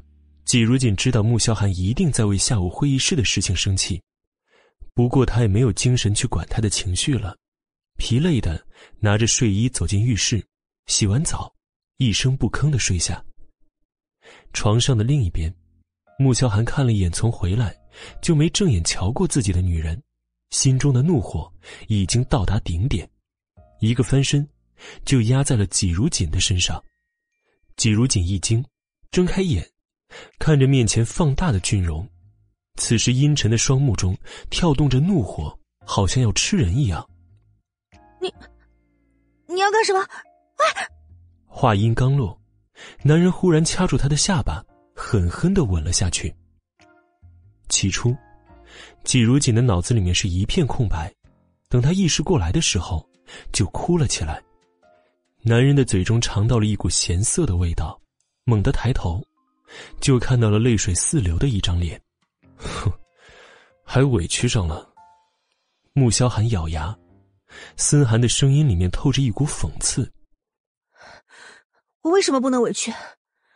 穆萧寒，是不是你们所有人都觉得我很好欺负，所以你也这么轻薄我，玩弄我？”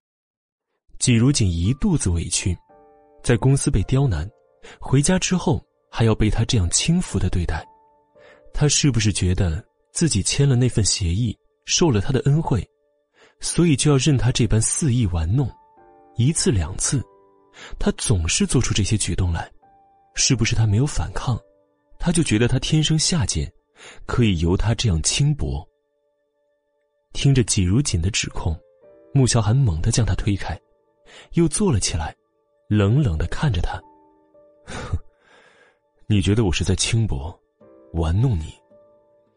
虽然穆萧寒是控制不住的想要亲他，甚至做更进一步的事情，可是却在拼命的忍着，甚至想要坐实这段婚姻，让她成为自己真正的妻子，却不想到了他的心里，自己变成了一个满心龌龊的无耻之辈。难道不是吗？你有心爱的女人，我和你也是假结婚。你对我做。第一百二十集，季如锦也不知道自己是怎么了，情绪特别激动，尤其是想到穆萧寒已经有了心爱的女人，还要来招惹他，就让他觉得心很疼，泪水也流得更汹涌。哼 好，很好，季如锦，你就是个白眼狼啊，真正的白眼狼。穆萧寒也被气到了，咬牙切齿，不知用了多大的力气才忍住没有掐死他的冲动。季如锦抿了抿嘴，白眼狼就白眼狼，反正他不要再这样被稀里糊涂的占便宜了。以后他可是要离开的。第二天，季如锦早早的去了公司，结果因为太早，公司里还只有他一个人。而苏俊阳因为昨天耍了季如锦一通。心情畅快，一边走一边哼着歌。就见到季如锦到了，正在低头整理资料。他微微一怔，假装没有看到似的走进办公室。没过多久，他拨了内线到季如锦的桌上，送杯咖啡进来。苏俊阳扔下几个字儿，就啪的一声把电话挂了。季如锦鼓了鼓腮帮子，叹了口气，转身进了茶水室。没多久。端着咖啡进了苏俊阳的办公室。苏总，咖啡。说着，准备将咖啡放到桌子上。苏俊阳正好收拾完他昨天完成一半的图纸，没留意到他端过来的咖啡，然后就被拒了。咖啡将他的画稿打湿，甚至满桌子都是。季如锦也吓到了，他连忙拿起旁边的抽纸，一边擦一边道歉：“苏总。”对不起，对不起。苏俊阳看着自己辛辛苦苦画了半个月的设计图，而下个月中就要交给客户的设计图就这样子被毁了，一张脸都绿了。他猛地抬起头，凶狠的看向季如锦：“季如锦，你给我滚，马上滚！”苏苏总，我真的不是故意的，你别生气，对不起，我我对不起。他不停道歉，伸手想去帮忙挽救，可是手刚碰过去，苏俊阳就啪的一声打开。不是故意的，为了报复我，你是早就算计好了吧？这么恶毒的法子，现在开心了？苏俊阳咬着牙冷笑，目光凶狠的瞪着他。他脸色一白：“我没有，我真的没有。”滚！我不想再见到你了，马上就给我滚！听到没有？我。我可以想办法补救，苏总，我求你别让我走，我一定会补救好的。他心里懊恼的想死，昨天才把穆萧寒给惹毛了，今天又毁了苏俊阳的设计图。补救，哼，很好，三天，三天之内，如果你不能补回来，立即给我滚蛋。苏俊阳深吸一口气，指着桌子上那些被咖啡浸湿而变得面目全非的图稿。既然他现在不肯走，那就让他三天之后心甘情愿的从这里滚，省得碍眼。花了半个多月才画好的设计图，看他怎么在三天之内还原。季如锦的心沉下来，可这是他最后的机会了，不然现在就得滚蛋。三天至少还有机会争取。他小心翼翼的拿着纸巾将图纸上面的咖啡吸干，又一张一张的。拿到洗手间的吹风机下面吹干。晚上十二点，季如锦还在公司里画稿。他学的是建筑设计，所以并不陌生。而好在那些咖啡并没有完全将图纸毁掉，有些线还是隐约可以看到的。再通过旁边苏俊阳标记的数据比例重新画上。当天，他几乎是通宵才补好了两张设计图。又怕再出现什么失误，小心的将图纸收进抽屉锁起来。而穆萧寒因为季如锦昨天一夜未归，一大早脸色就极其吓人了。平时话多的穆言飞在吃早餐的时候也识相的闭了嘴，一声不吭的闷头吃早餐。吃完之后打了招呼，一溜烟就跑了。他也没有去工地，而是直奔墓室二十六楼，进去就看到。季如锦正在那埋头画稿。你昨天不会通宵加班了吧？穆言飞走过去，大大咧咧的坐下来。身为穆家二世祖，他向来把公司当成家一样随意。季如锦抬起头，打了一个哈欠。嗯，你来做什么？你还快点走吧，不然别人会误会的。你这女人还真是喜欢给自己脸上贴金啊！我穆二少又没眼瞎，怎么会瞧上你这样的女人？我说的误会呢，是怕别人以为我和你有什么不寻常的关系，会影响到我的工作。我知道你喜欢的呢是乐乐那种款的，你没眼瞎，眼瞎的是你哥，好吧？本集播讲完毕，更多精彩内容，喜马拉雅搜索“妙”。